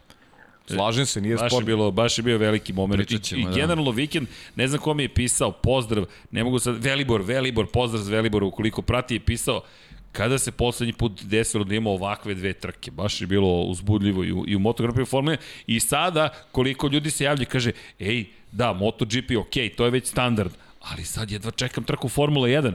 Ne znamo šta će biti, to je ono što smo i rekli, nemamo pojma, mi sad nagađamo, da imamo neke Nemamo momente, pojma. ne, iskustva, ali, ali nismo bili loši u, u predviđanjima, ali to je opet argumenti, činjenice, šta smo videli, šta, ne, šta smo i namirisali u krajnjem Pa slučaju. dobro, lep da Bilo je zabavno. Mnogo, je, mnogo su važni ti treninzi i uživamo u njima. Stvarno, stvarno mnogo toga ti otkriju i, i pokažu šta možda očekuješ i kad je strategija u pitanju i sva tri treninga su Ja, šta- a sad imaju veću zna, imaju veći značaj ovo petkom što su skraćeni na na na 2 sata tako da i timovi moraju onako po malo ubrzanijem procesu da se da se pripremaju za ono što ih čeka u tom zvaničnom delu programa. E, i još jedna bitna tu stvar, kada govorimo o, o treningu, e, ove godine skraćeni treninzi u petak, imam utisak da i to utiče na celu ovu Pa priču. naravno da utiče, pa da je manje luksuza, prosto ti moraš sada da izađeš u, u prvom i u drugom treningu, moraš Tu da se su baviš već sobom. procedure Mercedesa poremećene. poremećen. U startu bilo, jesu, da. Jesu. I, I još dosta drugih I bilo stvari. je jako ali- važno tome se prilagoditi, ali ne možeš kad ti ljudi odlaze iz ekipe. Tako, ali deki i oni sami i oni sami su neka da. Deluju previše komforno. Videli smo kako je recimo se ponašao Ferrari u Azerbejdžanu, kako se ponašali u Monaku, najviše vremena su prodali na stazi. I taj neki pristup, neki stav ti da onako nagradite negde i kroz i kroz rezultat, kroz učinak, a Mercedes neko deluje zaista onako neorganizovano, konforno, možda i suviše konforno za standarde na, na, na ono koji smo mi navikli da, da, da gledamo. Upravo I to, je, me, mene to iznenađuje. Jeste. Ali, E. ali to više ni, nisu ta izdanja, sećaš se, oni su bili brži od svih bez DRS-a ranije. Jeste. Da, to, ti, to ti stvarno ostavlja mogućnost, ti si uvek imao luksus da imaš za, za, za stepen tvrđe gume od drugih i tako dalje i tako dalje. Ova, ova sezona bukvalno ih je natrala da moraju da budu ozbiljno, ozbiljno angažovani u svakom segmentu. To za sad nije slučaj, ali eto, nadamo se poznajući njih, Nemci su u pitanju i, i, i njihova disciplina radna je dobro poznata da će, da će se ovaj konsolidovati da, da, da možemo da dobijemo dobre trke. Na ovaj način dobit ćemo ponovo jednu ekipu koja će krenuti da dominira. Pauza, pauza će biti jako Pauza, važna. Pauza, jedva je čekaju. Znamo, znamo da. ko se vraća posle pauze Da. uvek spreman za, za odgovor na možda nešto lošiju prvu, prvi deo sezona. Da, ali koliko je Red Bull tokom godine uvek napredovao, nemojmo i to Ne, zaboraviti. ne, nikako, pa mislim, naravno. Red Drugačije. Bull, druga je priča je Red Bulla. Red Bull je gubio uvek na početku sezone, Jeste. mislim uvek. Vidi, U ovoj ovo je, novijoj eri. ovo je novi protivnik, nije ovo Ferrari. Ferrari uz svo dužno poštovanje prema istoriji, tradiciji, kulturi, pa i strasti koji donosi Ferrari, Ferrari nema taj kapacitet Slaže trenutno. se, ovo je mnogo ozbiljniji rival. Ja, Ovo je- de, de, mnogo jeste. ozbiljniji. Neka se naljute navijači Ferrari, ali to, je, to su fakti. Definitivno Ferrari nije toliko ozbiljan rival kao što je Red Bull. Makar ovakav Ferrari kakav jeste i kakav je bio pre dve godine nije. Ni pre tri godine nije ozbiljan rival. Deki, kažeš, odlaze im ljudi. Ljudi, aj samo da se podsjetimo, na početku maja šta smo sve čuli. Ben Hodgkinson je otišao. Dakle, bit će novi tehnički direktor. To je čovek koji je bio zadužen za mechanical engineering, za kompletan inženjerski deo kada je reč o, o, za mašince, on je bog tamo. On je otišao iz Mercedesa. Zatim, Steve Bluit je otišao. Čovek koji je bio glavni u proizvodnji, head of manufacturing. Dakle, to ti je šef fabrike, ti odlazi da ti bude U trenutku direktor kad praviš između oslogi novi novi- automobil za sledeću godinu. Ti praviš bolid, šasiju, motor, menjač, sve. Tebi odlazi neko ko je s tobom decenija, deceniju skoro. Pa napravio ti taj automobil Tako koji je dominirao, dominirao prošle godine. A on će ti biti direktor proizvodnje nove pogonske jedinice. Pa onda još ima Omid Mostagimi, koji ti je bio šef za elektroniku u programu Formula 1, a sada će biti šef za elektroniku, ERS sistem i za pogonske jedinice, za, za pogonske sisteme. On odlazi takođe. Pip Klod, čovek koji je bio zadužen za, kao šef tima za pogonske jedinice u Mercedesu, je sada postao šef mehaničkog dizajna za ERS sisteme u Red Bullu. Pazi, i to, to su sve glave, šef, šef, šef, šef, samo, im, samo im Toto Wolff još nisu uzeli, ali izgleda da im mu ne treba. Pa, imaju, da, Horner i Wolf imaju šta da kažu. I onda imaš Antona Maja, koji je bio šef inženjera, koji će predvoditi dizajn motora sa unutrašnjim sagorevanjem. A Steve Brody, čovek koji inače bio zadužen za inspekciju pokraj stazi i fi- finalnu inspekciju, postaje šef za operacije na motoru sa unutrašnjim sagorevanjem. Ti si ovako došao i ovako ocekao glave Mercedesa i preneo ih kod sebe ti si bukvalno kritične ljude i a ono što je tu sad dodatna stvar, nisu ti se oni još pridružili, ali više ih nema u Mercedesu. Mercedes tim ljudima sada ne može da da uloge koje su do sada imali. Ne možeš da, da ga dovedeš u prostoriju i kažeš, a ti ideš u Red Bull sledeće godine. Da, da, sedi da ti otkrivamo naše tajne. Ne, nema, nema, nema, nema, nema, nema, nema. A Cowell ti je otišao, odlaze, samo ti odlaze ljudi. Bukvalno ti samo odlaze ljudi. A, nažalost, Niki Lauda je otišao takođe, ti nemaš tog, tog čoveka više. Pri, pri čemu je Pedija Lovas izgubio još pet godina ranije. Da, da, to je već. Pa tad je, da, tad je krenulo to neko osipanje tog, Jest. tog kadra. Jeste. Kadra koji je postavio još Ross Braun.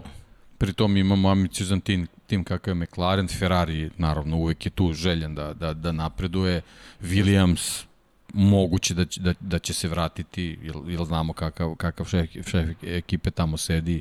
Jeste. O, Alpine ima ne, neki svoj svoj ritam, svoj tempo gde isto zahteva možda neku Aston promenu Martin. ljudi, Aston Martin, to je stvarno ovaj Jeste. ovaj stvarno zahtevno da iz, iz jednog izvora koji je koji je sjajno funkcionisao prethodnih 7-8 godina svi svi crpe to Tako znanje i to je to je stvarno najveći u stvari udarac za Mercedes. Pa i ti ljudi, to znanje koje su preneli i ugradili sebe u Mercedes, da se i naplate kroz Da. odlazak u neke Na druge timove, a u i oni krajnjem su došli slučaju da ne, tako i neke nove izazove u, kari, u karijeri. da, mislim, u to je, životu, to je da. proces u Formuli 1 naravno. potpuno prirodan. To u životu, Stalno se naravno. tako dešava, da.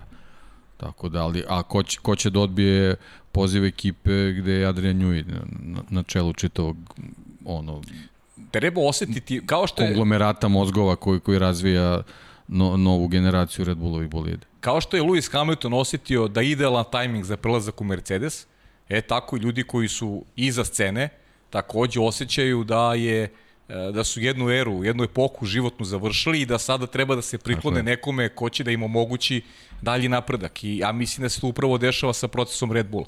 I to je to. Iskoristio bih priliku sad kada smo spomenuli Ferrari i gume, da, a i tu je pun sat, je malo za tehnički kutak gde ćemo se pozabaviti gumama. Ostajemo u Francuskoj. Zašto? Zato što se pred ovaj vikend desila i promena kada je reč o Pirelijevim procedurama i propisima, pa da i tog, tog se elementa dotaknemo. Zašto je to veoma važno? Kako je uticalo i na Ferrari i na, onda ćemo i doći na Ferrari iz perspektive toga šta smo videli, da li će to uticati i na naravno ono što se događa u Austriji i naravno na ostale timove, pogotovo zanimljiva priča kada je reč, rekao bih, i o Alpini, s obzirom na činjenicu da tamo broj 1 polako sigurno postaje Fernando Alonso. Ajmo da bacimo pogled na tehnički kutak.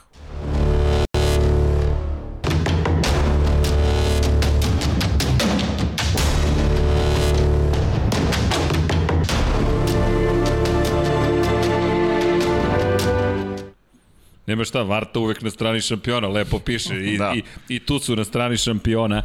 A kada govorimo... Hvala im što su izabrali dobru stranu. Pa naravno da su izabrali dobru stranu. Ko, koga drugog mogu da izaberu? Da zna se, zna se.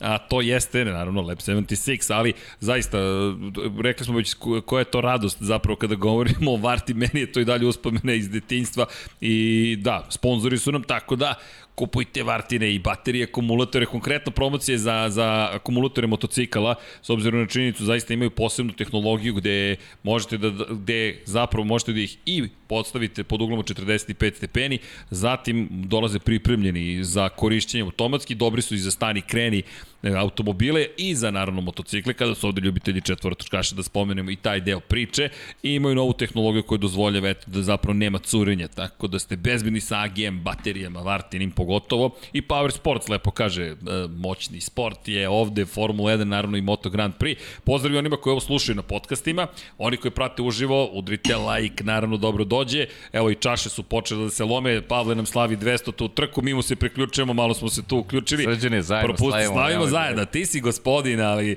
Pa nije, se, nego je tako. Mislim. ti si maratonac, pazi.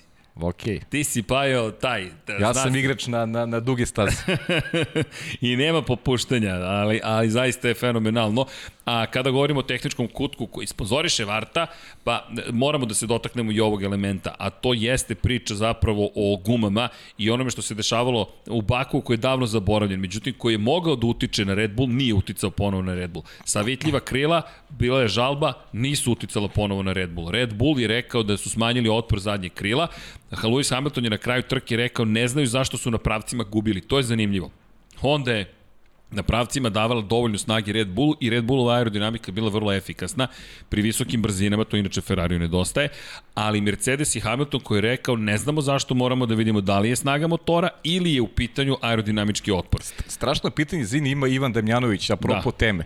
Kaže, pozdrav sve od tu, da li ste primetili u prenosu da Mercedes sad ima savitljivo krilo dok je kod Red Bulla gotovo nepomično?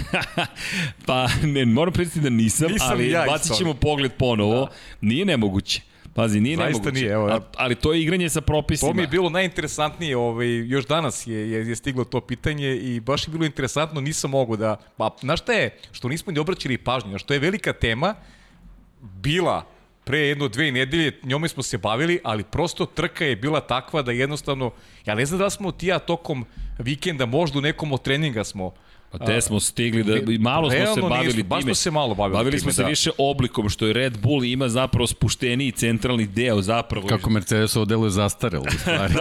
Da, da, koliko Da, investira, da, da, koliko da. je Adrian Newey tu hiperaktivan po pitanju aerodinamike. To se lepo videlo i ono što jeste zanimljivo je efikasnost koju oni spružuju na svim nivoima. Honda koja je napravila taj mali zapravo pogonski sistem, zaista su ga kompaktnim učinili. To je ono što je Adrian Newey rekao. Smanjite mi taj motor. Oni su smanjili ljudi motor i imali su taj oblik, taj čuveni Coke Battle, eh, boca Coca-Cola iz, iz, perspe- iz, ajde, frontalne perspektive nije ptiče, ptiče je za Formulu 1 kada pogledate, ali nije samo to. E, Kako rade na aerodinamici? U krajnjem slučaju, dalje savitljivo, može da bude savitljivo ukoliko izdrži 1000 njutona naravno, pa pritiska, dobro, to- prosto može okej. da se savije, ali jeste zanimljivo i zanimljiva ta priča o prednjem krilu. Inače, Red Bull koji je rekao, dr. Helmut Marko je rekao da su primetili tokom kvalifikacije da i Mercedes krši određene procedure, ali da se neće baviti nevažnim stvarima. Pa da, to je... Kad pobediš, lako je da kažeš da. to su nevažne stvari. I, I u Azerbejdžanu su isto spustili loptu jedni drugi, isto su rekli neće biti žalbi i sve okej. Okay. Nema žalbi, za sada. Da. Ali da se vratimo na, na, teh, na Biće, tehnički biće utak. ih tamo na pola sezona. Tako je, i priču o pritisku, eto, mi o pritisku, ko čemu mi o pritisku. Ali ako pogledamo šta se događalo, čista fizika je u pitanju. E, U Baku je Pirelli rekao da veruje da su i Aston Martin i zapravo Red Bull našli način da spuste pritisak ispod preporučene granice.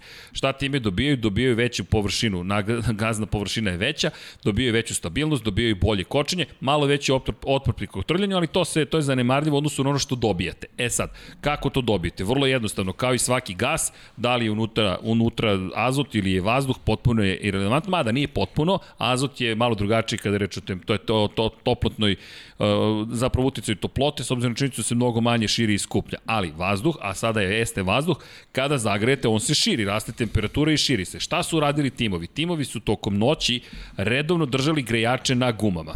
Pirelli je tokom godina uveo pravilnik koja je maksimalna temperatura tih grejača da, to jest grejanja, tokom noći da ne bi previše zagrejali gume i na taj način ih zapravo učinili, neću reći defektnim, ali uticali na njihovu konstrukciju. Zašto to timovi rade? Grejete ih cele noći i vi držite pritisak zahvaljujući temperaturi na određenom nivou, minimalnom nivou po preporuci Pirellija. Zatim, kada se obavi merenje pritiska, a tu su grejači, vi odmah skinete grejače, odmah ih skinete i dozvolite pneumaticima da se što duže hlade zapravo. Hlade se, gasovi, jel te, se, šta se do, do, do, dolazi do toga da vi zapravo smanjujete, opa izvinjam se, pritisak u gumama i pod težinom bolida gume se šire. Dakle, vi uspevate da smanjite pritisak u gumama prosto koristeći klasične zakone fizike. Fizika je neumoljiva, osim kod crne rupe, ali dobro, tamo je sad Hawkinsova radijacija i tako dalje. To je neka druga tema, to ćemo ostaviti za kosmos, no činjenica je da je Pirelli rekao, ne mogu da kažem da je to činjenica, ali činjenica je da je Pirelli- rekao da veruje da su Red Bull i Aston Martin to radili.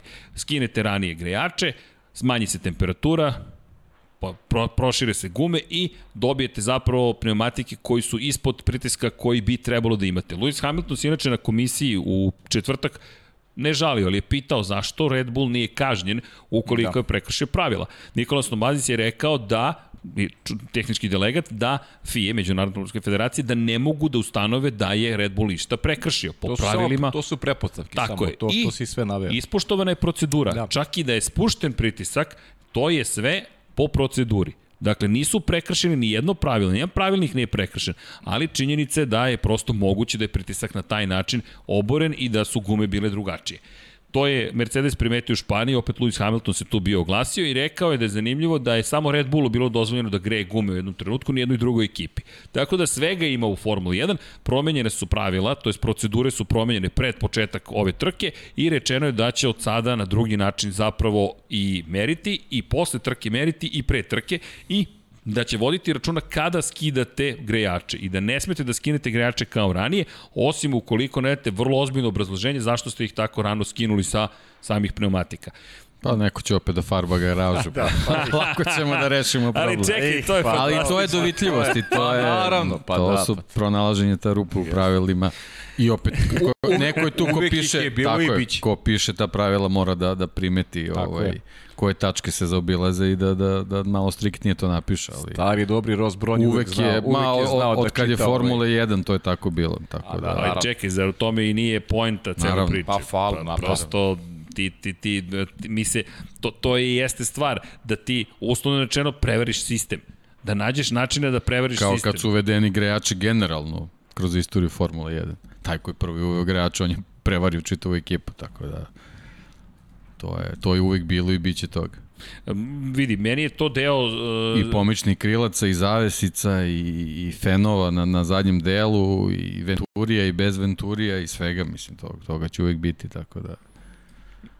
Je, to je sastavni deo Formule 1. I, I Mislim, sada kada je- krene ground effect od sledeće Pa, godine, da. kada krene potpuno I ludnica po dvostruki difuzor i produvani difuzor, to je uvek bilo, mislim, toga, toga će uvek biti, jednostavno samo je trenutak i, i domišlja, domišljatnost konstruktora da, da, da u tom trenutku ovaj svoju genijalnost iskoristi napravi nešto. I aktivno gibljenje i sve živo, to je jednostavno to je Formula 1, to je taj napredak, to je ta evolucija. Tako Pa da, ali ono što je meni tu pitanje jeste zašto bismo to, ne, ne da ukidali, dobro, ne možeš ni ti da kažeš mo- dozvolit ćemo kada je nešto već ustanovljeno, to jeste ta igra zapravo i to jeste lepota igre. Red Bull je nešto otkrio, Mercedes je nešto otkrio, kao da sistem, dvostruki i sistem sa dvostrukom osovinom, Tako je. kogod ga izmislio, svaka mu čast, Mercedes je to ima ogromnu prednost, ali vidiš sad Mercedes nema ni tu prednost, nego je Mercedes taj koji mora da se žali zato što neko drugi nešto radi. Ob obrće se situacija, ranije su se žalili na Mercedes. Da, baš, baš kaskaju u mnogo, mnogo detalja. Da, i setimo Ova se... sezona im je baš za zaborav. Baš za zaborav. Po tom pitanju. A, da. a opet što Paja kaže, a opet su tako moćni. Imaš, A i tu su. A tu su. Tu su, tu su. Probušeni- Nisu moćni, ali tu su. Tu su, Tu su, da. Nisu tu su, dominantni u stvari. Oni jesu moćni, ali nisu Ja dominantni. samo kažem, vratite se samo na Bahrein, setite se te trke. Tu, tu se već videlo da, da nije to kao prethodna Tako je. sezona i Jasno. sezona pre.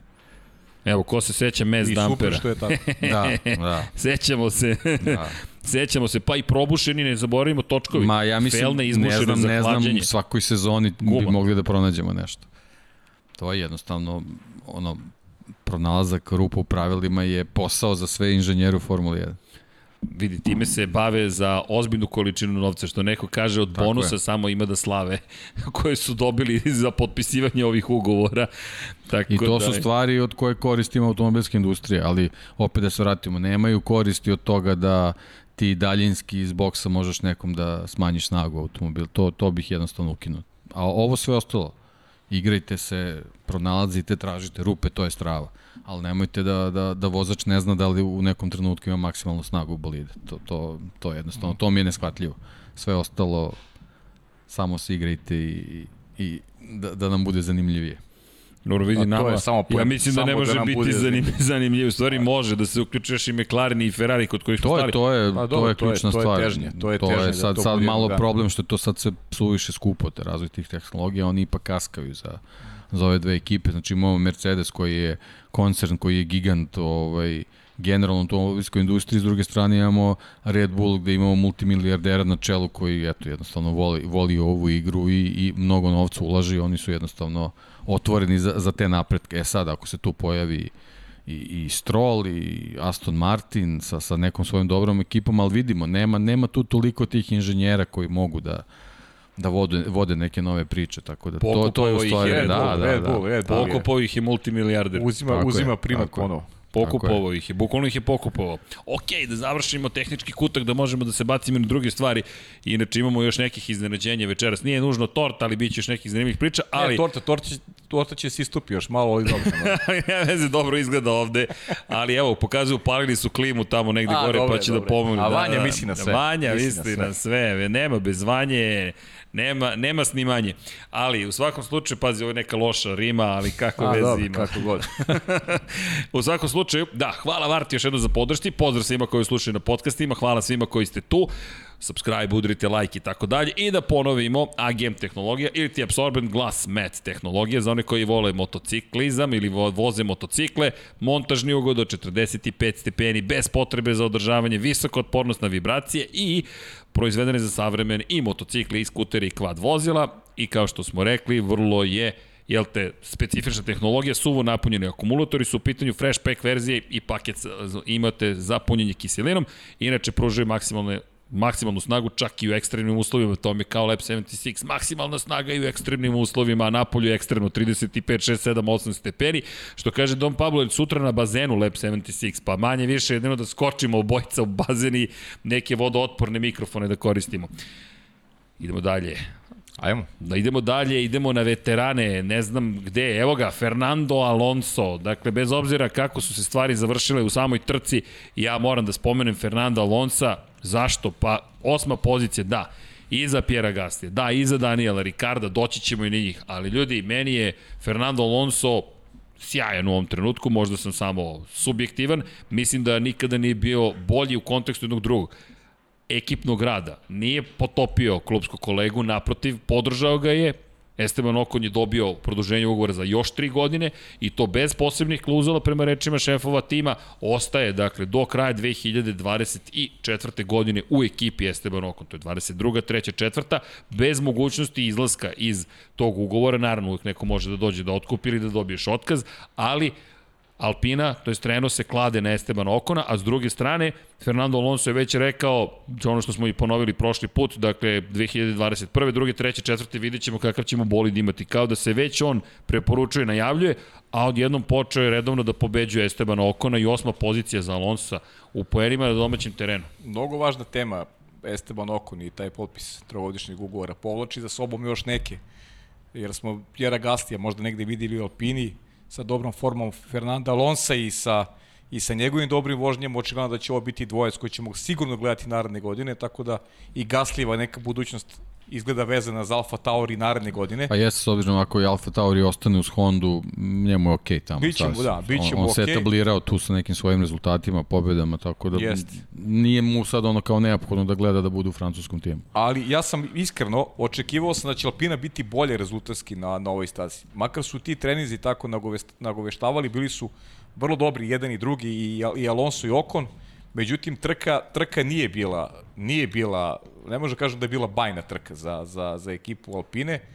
Ako pričamo iz te perspektive, Alonso pobedi Okona, ok, osma pozicija, mogu da budu zadovoljni i zadovoljni e, s time da, da eto, Alonso pokazuje jedan kontinuitet i ono što je Srđan rekao, meni se to više dopada kao Alonso, što nije unizio timskog kolegu, što nije tražio Libi jednog momentu, nego je govorio kako ne može da prati tempo Okona. Zaista ga je podržao na najbolji mogući način i sada je počeo da pobeđuje, što je zaista jedan iskorak iskorak čoveka koji jeste dvostruki šampion, ali sa takvom pauzom mislim da je rezultat pa, to je posvećenost i navikavanje na, na novu formulu. I definitivno, to je, definitivno, ali mislim da Alpina veliki Alpina ne može da bude zadovoljna ne. rezultatom. Pa ne, o, ovaj rezultat možda ima više veze s njegovim stintovima da još jednom pokazuje da je majstor u vožnji na hladnim gumama, to je Tako nedovoljno zagrejanim pneumaticima, to je odavno pokazivao. Jeste. Tako da ovaj, tih nekih par, par uvodnih krugova na, na, na svežim pneumaticima je uvek njegov zaštitni znak bio i to je, to je nastavio sada da radi, ali očigledno da mu bilo potrebno da se on malo navikne na,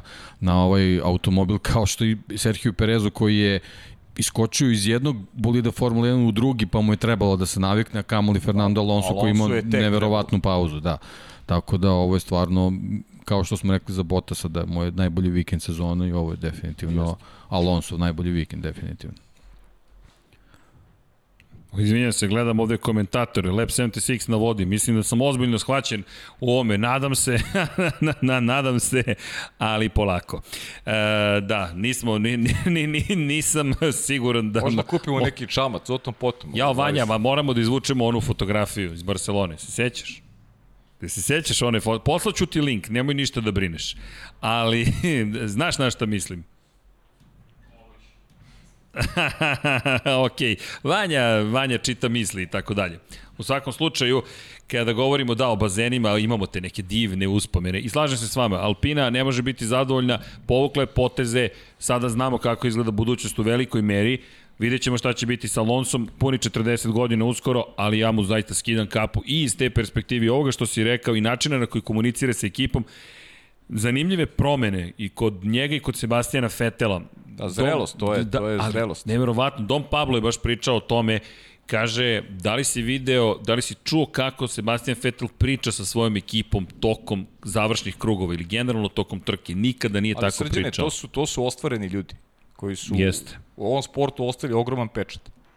I, i sada su sada mogu samo da, da prenesu to svoje iskustvo na, na, na mlađe, a pritom da ostave da ostave još neki trag u smislu dobrog rezultata, e, napretka ekipa. Oni su sada u službi ekipa za kojih a- Alpina i, i Aston Martin mogu da imaju bolje vozače sada u svojim ekipama. Pričamo o, o nekim mladim projektima. Ti, u- kao što je recimo Michael Schumacher a, bio za Mercedes, tako, može, tako mogu ulogu da uzmu Alonso Tako je, i, kao i što je Sebastian Schumacher došao i oni su potpisali Rosberga na više godina, Tako kao što je. je sad Alpina potpisala Okona. I, ista priča, To je potpuno to. ista priča. To je to. Sad, da li će se pojaviti neko posle Alonsa, neki veći talent, to je sad već Pitanje, druga priča, je druga ali je priča. poenta da su oni u Okonu prepoznali momka koji će se razvije zajedno s tom ekipom. Definitivno. Tako da, to je pre svega velika čast za njega. Da li je, da li Znači, ne pričamo sad mi koristimo Alpina, to je Renault. Renault, da. Znači, da, da, moramo da li je koristimo mlađi, pravo ime, da. Da li je mlađi Stroll taj koji treba da, Da. da bude, to je sad opet diskutabilno, ali, ali da sa Fetelom Aston Martin je dobio mnogo. Zaista da. mnogo. I to je i, Pa, i ova trka Aston Martin je generalno sa, sa porodicom Stroll dobio finansijsku sigurnost pre svega, znači da je- ako neko odobri e, njihov tehnički i tehnološki razvoj i pritom uloži novac u to, oni nemaju šta ovaj, tu da razmišljaju, tako da ovaj, mogu da budu na dobrom putu, a ono što smo i pričali ranije, Fernando Alonso, o Sebastianu Vettelu je bila potrebna samo samo ta neka rezultatska, rezultatska injekcija koja je stigla u Monte Carlo, posle se samo produžila kao boost ovaj, sa, sa onim fantastičnim rezultatom u Baku i on je sad jednostavno rasterećen. Pokazuje da je, da je i dalje vozač vrhunskog kal- kalibra koji može da, da ovaj, isporuči ono što, što automobil može da mu da, a znamo da, da Force India slash Racing Point slash Aston Martin malo im treba da uđu u sezonu, da, da, da to u finišu uvek izgleda mnogo bolje, tako da da on je verovatno i, i, i kao osoba dobio i više na samo pouzdanju, ako u nekom trenutku to izgubio zbog, loših ovaj, epizoda u Ferrariju. I loših epizoda, naravno, na početku sezone, sećamo se njegovih grešaka ovaj, ove godine. Jeste, jeste, jeste. Kad je krenula ta čitava priča, to nije, nije baš dobro izgledalo, ali eto, jednostavno, ovaj, trebalo je samo vremena da se to sve uhoda, da se ta mašinerija ovaj, razradi i definitivno da, da, da Vettel sad sa, sa nekim drugim ambicijama može da uđe u nastavak sezone. Zadovoljstvo je kad ste tu. Pazi, zadovoljstvo. Ho, hvala Vanja. Hvala, eto, to je jedini bazen koji mi posećujemo, to kao si što želeo, možete Da, ali ovo je drugi sport, ne, ne znam zašto. Sad, zašto, Zašto ovo- mešamo Zašto stvari? zloupotrebljavate ovo kad ovo nije Formula To 1? ostavi za, to za sutra. Ovo To jednostavno sutra, nije znaš. Formula 1. Pa dobro, ja se ne želim, moram da priznam, evo iskreno da ti kažem, uopšte nemam nikakvu primetbu na ovu celu situaciju. Nemam ja isto. Vidi, bio je težak intervju, mora se da vodim računa da mikrofon ne upadne u vodu, da ne dođe do elektrikucije, jel te? Ali dobro. Tad sam bio u, u boljoj formi, imao sam više Ja da kosa. sam bio tamo, imao bih problem da ja ne upadnem u vodu. Vidi, i šta ti kažem, imao sam ekskluzivni intervju. Svaka čast. da. Radujem se Eh. tvoje ekskluzivi. Treba otići tamo. Treba otići tamo ponovo, ali nadam se da hoćemo u skorije vreme ponovo biti na trkama. Evo, nećemo da nećemo da da Pravo je, da, da deki, menjamo nemoj da mešaš sportove. Dogovoreno. E, e, jeste, sa Evom Padlo, jeste, ima, ima tu mnogo tih poznatih monster devojaka, ali šta da kažete, mo, morao sam, prosto zadatak je bio da li možeš da intervjušeš monster devojke, ali u bazenu. Šta da kažete? Kako da odbijete šefa kad vam postavi takvo pitanje? Prosto ne, elektrokut, ovo, izvinjam se, od cova za malo od cova, ali dobro. Nisam pio ljudi, šta vam je, kaže, dva promila alkohola u krvi, tako to izgleda bar. Samo sam raspoložen, zaista sam srećen, 200 to trka, prosto smo nešto raspoloženi i srećni ovih dana. Lepo se zabavljam, nadam se da se Kisela zabavljate. voda, i vi. jaka je. Mihurići, Je, mihurići jeste. su Kompot, kompot, to je problem. Su jake. Mnogo šećera, da.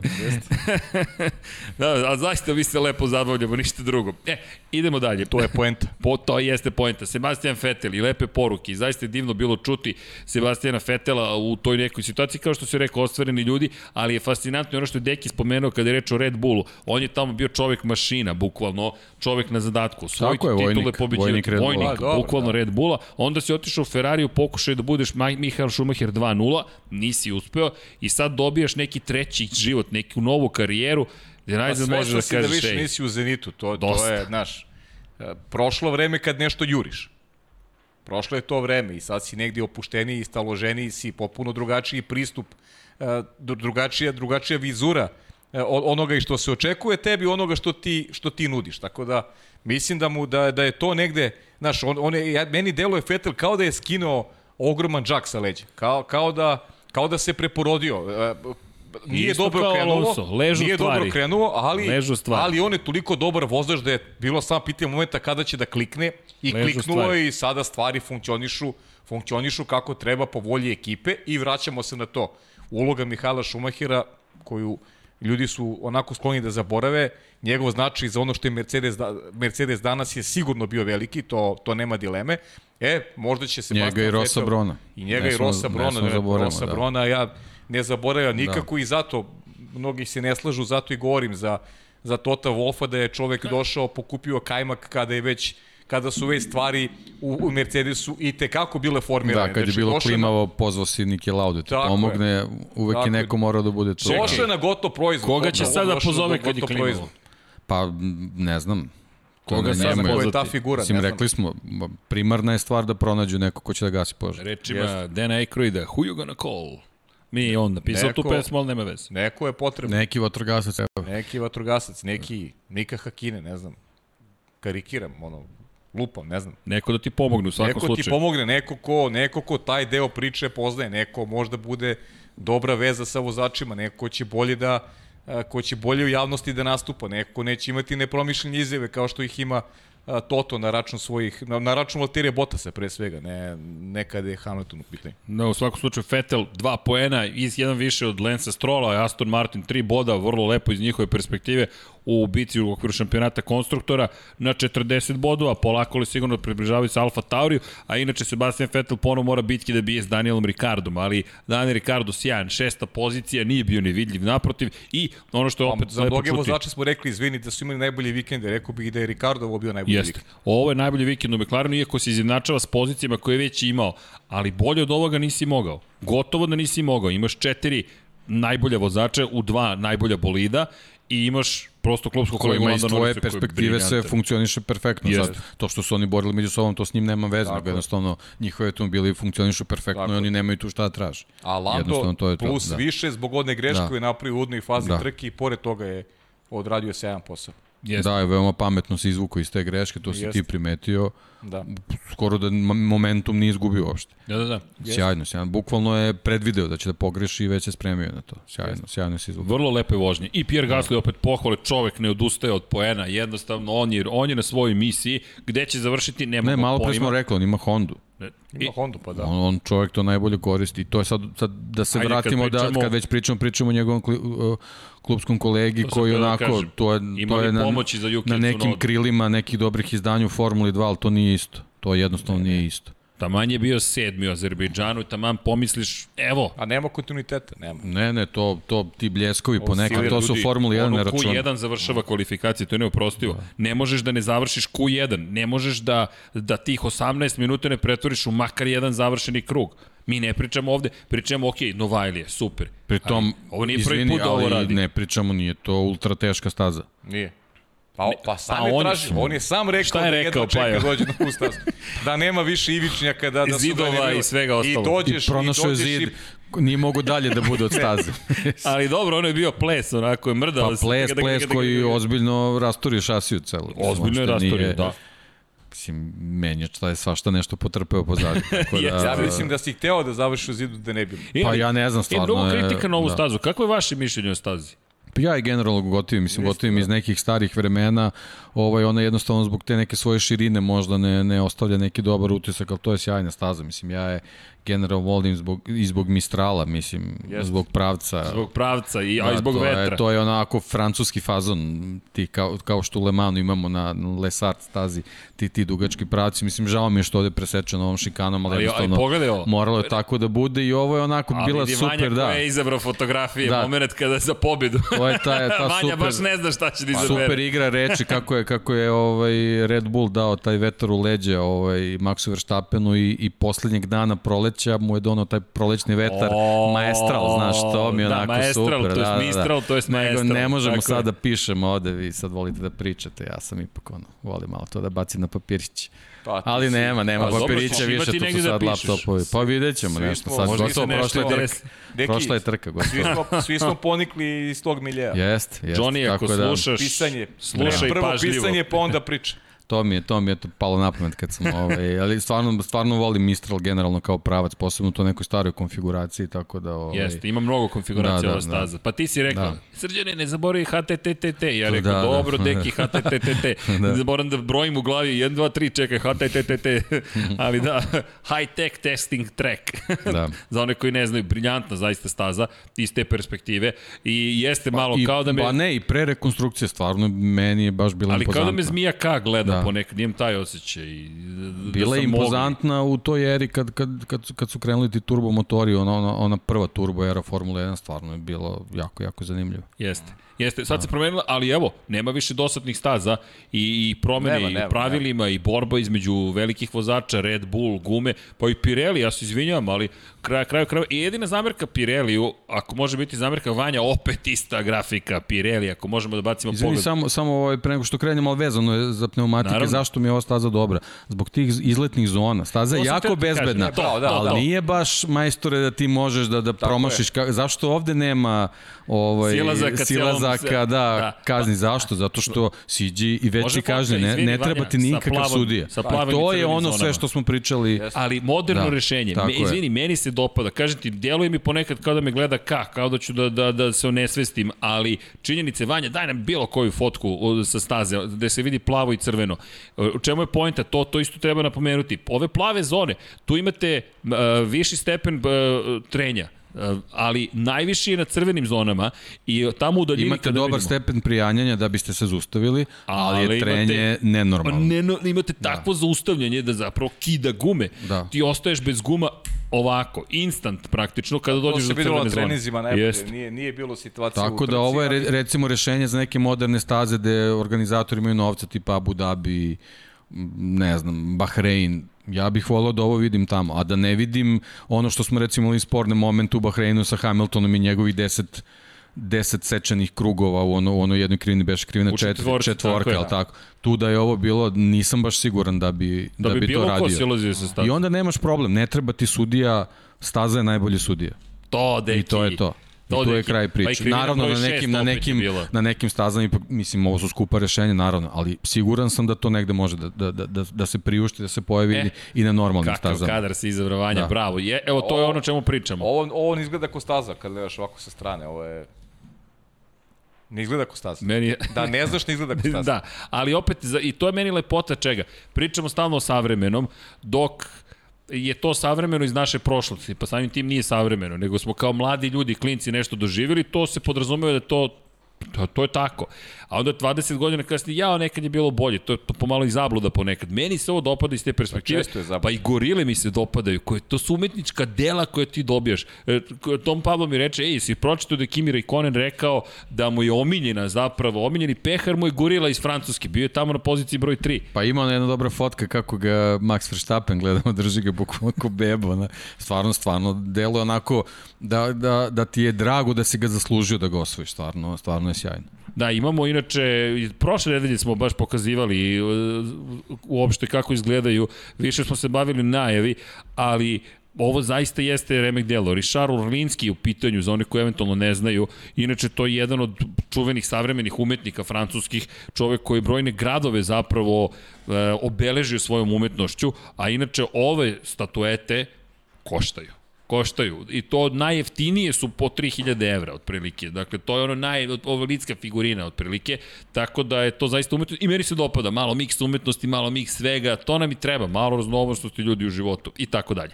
E, Da se vratimo na stazu Yuki Tsunoda, nije baš bio umetnik. Naprotiv, ozbiljan problem. I On je oglašavaju više se... bio odmetnik. Da, Bravo. Odmetnik Yuki Tsunoda.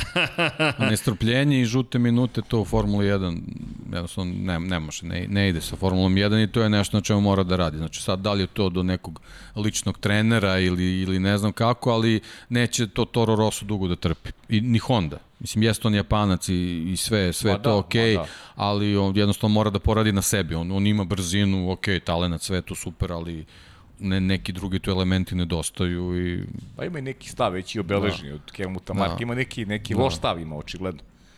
Nešto što se i, i, i ne sviđa poslodavcima, da se zaključiti na osnovu izjava, a i očigledno da, da taj kontinuitet koji mu neophodan jednostavno ne postoji. Tako da, vidjet ćemo, ajde, sa, sačekat ćemo, dajemo mu vreme, naravno. Mora da veže par trka dobrih. E, imamo ovde e, molbu s jedne strane da, da, da, da ne zaboravimo jedan bitan moment, a to je najavi smo, a ne pogleda smo, a to je bio pol pozicija Miloša Pavlovića. E da, između oslog, da, to je vezano za Zandvort, ali sad sam se setio, pa to možemo nekako da zapamtimo vezano za Paul Ricard. On je njegova prethodna trka Lamborghini Super Trofeju bila baš na ovoj stazi, pa možemo ga pitamo kako izgledaju te izletne zone, koliko je nezgodno kad se nađeš tamo. To je jedno od pitanja za njega kad, kad bude bio ovde gde ja Jedva sedim. čekam, da. Da, da. Da, i da ne zaboravimo kada je reč o, o konkretno samo Yuki Tsunodi, da završimo priču o tome, uh, Masamitsu Motohashi je čovjek koji je inače glavni inženjer za Hondu, Alfa Tauri, se sve češće oglašava po pitanju Yukija Tsunode. I negde javno daju podršku još uvek Yukiju Tsunodi, i poruka je Yukiju javna bila, Yuki samo treba da počne da završava trke. Završio je trku, bio je 13. Ali opet, Pa katastrofalne svi su završili ovu trku. Tako, e, to je tako, deseta tako trka da, u istoriji koja je završena sa svima Eto, tako u, da nije cilju. to sad neko dostignuće što je završio trku, kad su je svi završili. A znaš koga je pobedio? Da. Jo, još da nije završio. Neko koga ćemo hvaliti, Da. samo da pogledamo o, o, ovaj fantastični krug, a to je zapravo George Russell, koji je bio 12. 1 na 1 protiv Yuki Tsunode. Da vidimo.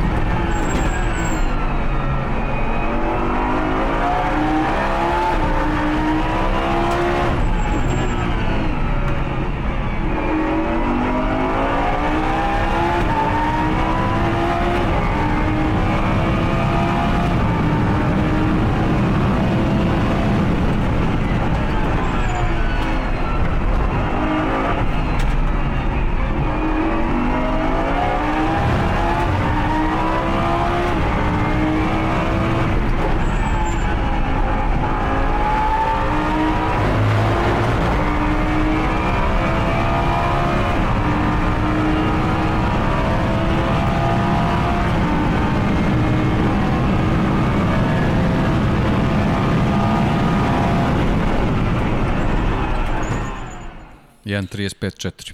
Nije loše. Da. Nije, Nije loše, loše. nije loše Miloš. Da, Vi, oho, vidi, deki, mislim da moramo da počnemo da vozimo. da. Ja zaista mislim, e, izvini, kakav ti, kakav ti je levi palac? Bolje, bolje. Ne, Pazi, morao sam da... pazi, šalje fotografiju čovek povređenog palca i ti sad kao, ki, šta si radio? Šta si radio, Dejane? Šta si radio, ako nije tajna? Ništa, vozio sam Kyoto. Endurance. Endurance, ali bez volana, samo sa upravljačem. Da, da, da. E pa imam radosnu vest, to još ne znam da li iko zna, ali stigao je najzad PlayStation 5. Tako da, To da znaš PlayStation... zbog, palca, da znaš. Da, da, da. da. Zato Tako se da, Ali iste su, iste su ovi... Ne, ne, ne, ne. To, a vidi Vanja što se obradamo. To znači da u studio stiže trajno, permanentno se seli PlayStation 4 Pro, jer PlayStation 5 mora da se testira najpre, pre nego što se dozvoli izlazak u, na, na, vidi, ne može bez testiranja. HTTTT će biti u pitanju. Da, tako da stiže e, PlayStation, što znači da će ovaj volan ovde biti najzad spojen sa celim sistemom, što znači da ćemo najzad e, aktivirati Twitch. Tako da Twitcheri, ukoliko pratite, kreće nova era, uskoro, moći ćemo iz Infinity Lighthouse-a, to je studija na kraju univerzuma, da se takmičimo. Tako da, deki, možemo neki endurance da vozimo? S A možemo samo da, Samo samo da prođe Jao, žulj. pa 37 da. sati podcasta je upravo postalo još luđe. Jao, pa, Pa to onaj- je jedini način da izdržimo. Tako je, 37 tako je. sati. Znaš kako, kad dođe neki gost, onaj ko ne, ne priča u tom trenutku mora da vozi. Tako je. Tako je. Fantastično. Tako, okay. samo, samo da završimo s ovim Zandvortom, ovo je bio vikend, mislim da je bila neka endurance endurance ovaj, trka, Miloš je vozio, bio je ka- pretrka sa, sa Lamborghini Super trofejem, u prvoj trci je sa, sa svojim timskim kolegom, on je vozio u prvom kategoriji, bili su drugi u, u, u kategoriji, a za drugu trku imao pol poziciju u generalnom plasmanu, tako da je super rezultat bio i Dušan Borković je bio isto u TCR Evropa ovaj, šampionatu kao pretrka te, te glavne trke, popeo se na podiju, mislim bio treći, Treći, u prvoj treći je trci, bio bio četvrti u drugoj, tako da, eto, imali smo super vikend za, za naše vozače u Zandvortu. Tako. Inače, staza, ne znam kakav je vaš utisak, meni je delo da je prilično ne, nezavršeno vezano za Formulu Mhm. 1. Video sam te izletne zone, to i dalje ostao pesak. Vidi, meni deluje kao da biće je neoprostivo. Ako, staza- ako tako ostane za Formulu 1, tu će biti neoprostive greške. Tu je jednostavno ulazak u pesak, kraj trke. Gotovo. Da, jednim točkom i doviđenja. To je bukvalno kao nekad Zandvort, kao što Pa ne izgleda. znam šta se planira, iskreno. Da, da, ovo, ovo kako je bilo, bar koliko sam ja pratio ovaj vikend, ovo nije pripremljena staza po, po standardima Formula 1 i dalje.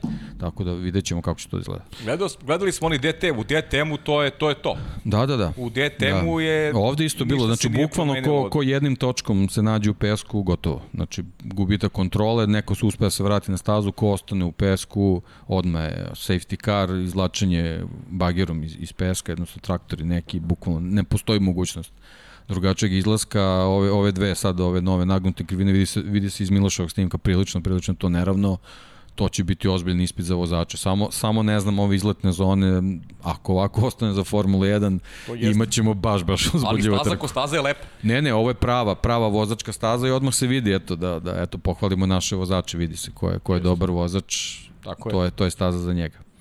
Evo, Resničanin kaže, može 37 sati podcast, ali da se obezbedi dobar internet servis provajdere. Jest. E, pošto, gospodine Resničanin, to uvek nešto kako ide teže.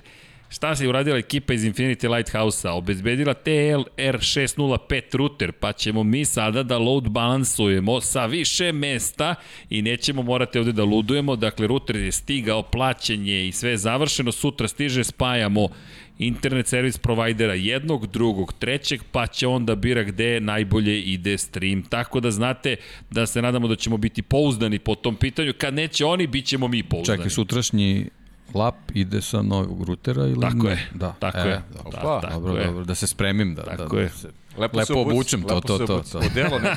to, to. Uštirka na košulja, Da. da. pipito mašna, vidi, obrati pažnju moj. Ok, neko mora da ostane ozbiljan u ovoj priči, a to očigledno vi ne želite kolege, tako da ću ja preuzeti tu ulogu. E, gde smo bili? George Russell, da, da, inače, do, e, možemo odmah, mi usput najavljamo veliku nagradu Štarski, evo neko pita, Pa mi najavljamo šta će biti sata. ukoliko Verstappen pobedi u naredne dve trke? Pa ljudi, to ne da je korak, to Pa, je šta će hiper biti? ka Da, šampiona ali sveta. pazi, ako pobedi u te dve trke, a Hamilton bude drugi, to će, razlika će biti opet samo jedna trka. 26 poena. Samo da. jedna trka. a to će biti trka broj 9 od 23. Ljudi, ovo jeste maraton. Maraton, dobro. Znači, ali sa njihovim, je sa njihovim rekao, je prvim maraton. i drugim mestima, bez obzira da će neko biti Tako prvi, a oni drugi samo drugi, jednostavno odustajanje ne dolazi u obzir. I ovo je Svaka trka mora bude u sezona. bodovima. Jeste, Od sedam trka, u pet trka oni su prvi i drugi, njih dvojica zajedno. I imaju jednu ne, nezavršenu. Ima jednu nezavršenu, pa ne može bolje od toga da se izmisli. I to imaju trku u kojoj je Max bio prvi, Luis treći do onog pucanja pneumatika Max Verstappen. Dakle, i tu su bili, Bili eto, to je možda 1:2. jedina trka gde, gde, bi neko, gde bih neko razdvojio na stazi, a, to, a taj neko je bio Sergio Perez. Da, bilo bi 1-3. Bilo bi U. 1-3. Izvesno da bi bilo 1-3. I kada spominješ to, 1, 2, 3, samo da ubacimo u priču čoveka koji je bio 12. u Williamsu, ispred Alfa Taurija Yuki Tsunoda, George Russell.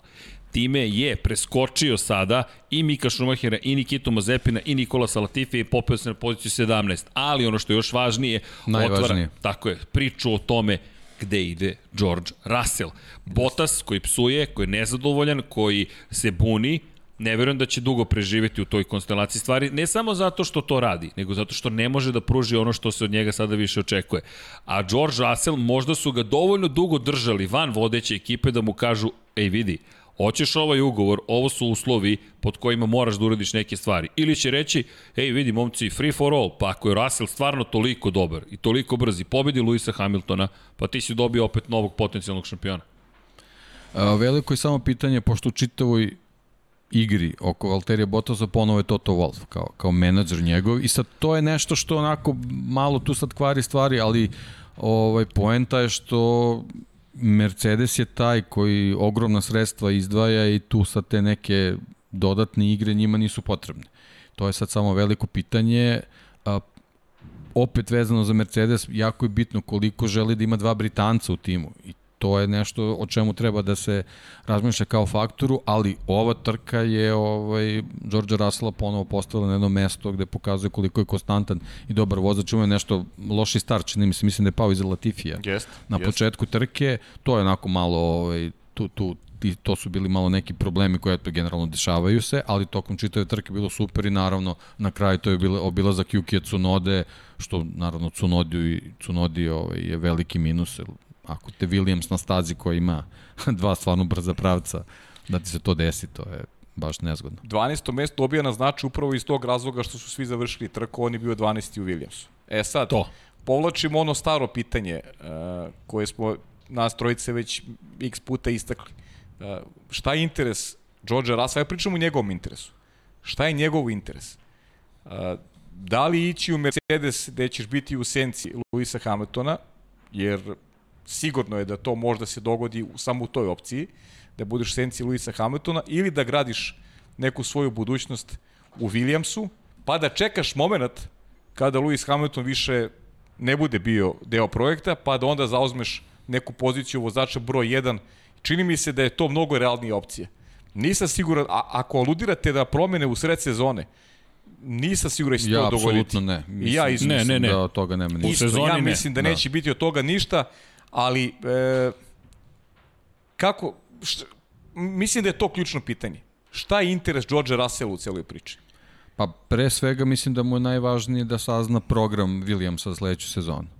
Znači ozbiljan razgovor sa Jost Kapitom i, i ovaj, čisto da vidi gde ga vide tu i pre svega šta Williams a, može da ponudi kao svoj arsenal za razvoj bolida nove generacije. To je ono što on mora da sazna. On ima mnogo iskustva i kao test vozač, tako da on možda može već e, e, na verbalnom nivou da, da shvati kuda se kreće Williams, ovaj, tako da to je ono što mu je sad u ovom trenutku bitno. A što, što, se, što se tiče Mercedesa, to je samo jedan poziv koji se ne odbije. On, on tu nema, ne može mnogo da utiče na to, osim, osim na stazi. Zašto misli da će Toto Wolff čekati, kao što je rekao, do tamo negde januara meseca i ili do kraja decembra, jer siguran sam da Valtteri Bottas neće dobiti novi ugovor ukoliko Lewis Hamilton ne bude šampion ili ukoliko Mercedes ne bude šampion. A mislim da je to vezano jedno sa drugim. Tako da tu će se dogoditi neka promena. Ali nisam siguran da, da, da će to da bude baš George Russell. Ne znam, Nisi da, siguran da će biti nužno George Russell. Nekako Jer se, zavisi, situacija se- se razvije tako da ne mora on nužno da, Da, bude... jer čini mi se da, da je ključ vozač. svega, da je ključ svega Lewis Hamilton. Šta će Lewis odlučiti? Koliko on sebe vidi u budućnosti? Da li on taj koji planira da ostane na duže staze u Mercedesu? Ako je to slučaj, ne vidim ja tu prostora za, za George Russell. Već za nekog vozača koji će biti Sergio Perez u Red Bullu. Dakle, neki vozač, možda i iskusniji vozač, koji će, Vidi. biti, koji će biti dobra potpora Lewisu Hamiltonu, jer ostanak Toto Wolfa i cele ove, ove, ove grupe ljudi oko Mercedes, ja e, ne vidim George Russella, jer George Russell meni nije taj vozač, nije taj koji će da radi nešto za drugog. Ne deli mi da je, da je on uopšte spreman za tako nešto. Vidi, uh, ajmo, ajmo, ajmo, ajmo dve stvari. Ima, u stvari tri moramo. On ima ugovor sa Wolfom, Williams, Mercedes. Wolf, nemamo predstavu kako će to da funkcioniše. Ka, koji mu je ugovor? Koje su njegove tamo i obaveze? Šta se on tu pita i ne pita? Vidi, njega je Williams zadržao u svojoj ekipi. Bukvalno su rekli, sorry, žao nam je, ti imamo ugovor od koga ne možeš da izađeš. Uprkos njegovom, njegovom lobiranju da ga puste. Rekli su ne. Druga stvar, Ajmo da analiziramo Williams. Williams je u fazi oporavka. Bio sam u fabrici Williamsa kada? U, u zimu 2019. Da, Nisi mogao da ideš, išao sam ja, ali činjenica je da, da, da gledaš ekipu i drugačije kada odeš tamo. Ljudi, oni su bili u raspadnom stanju.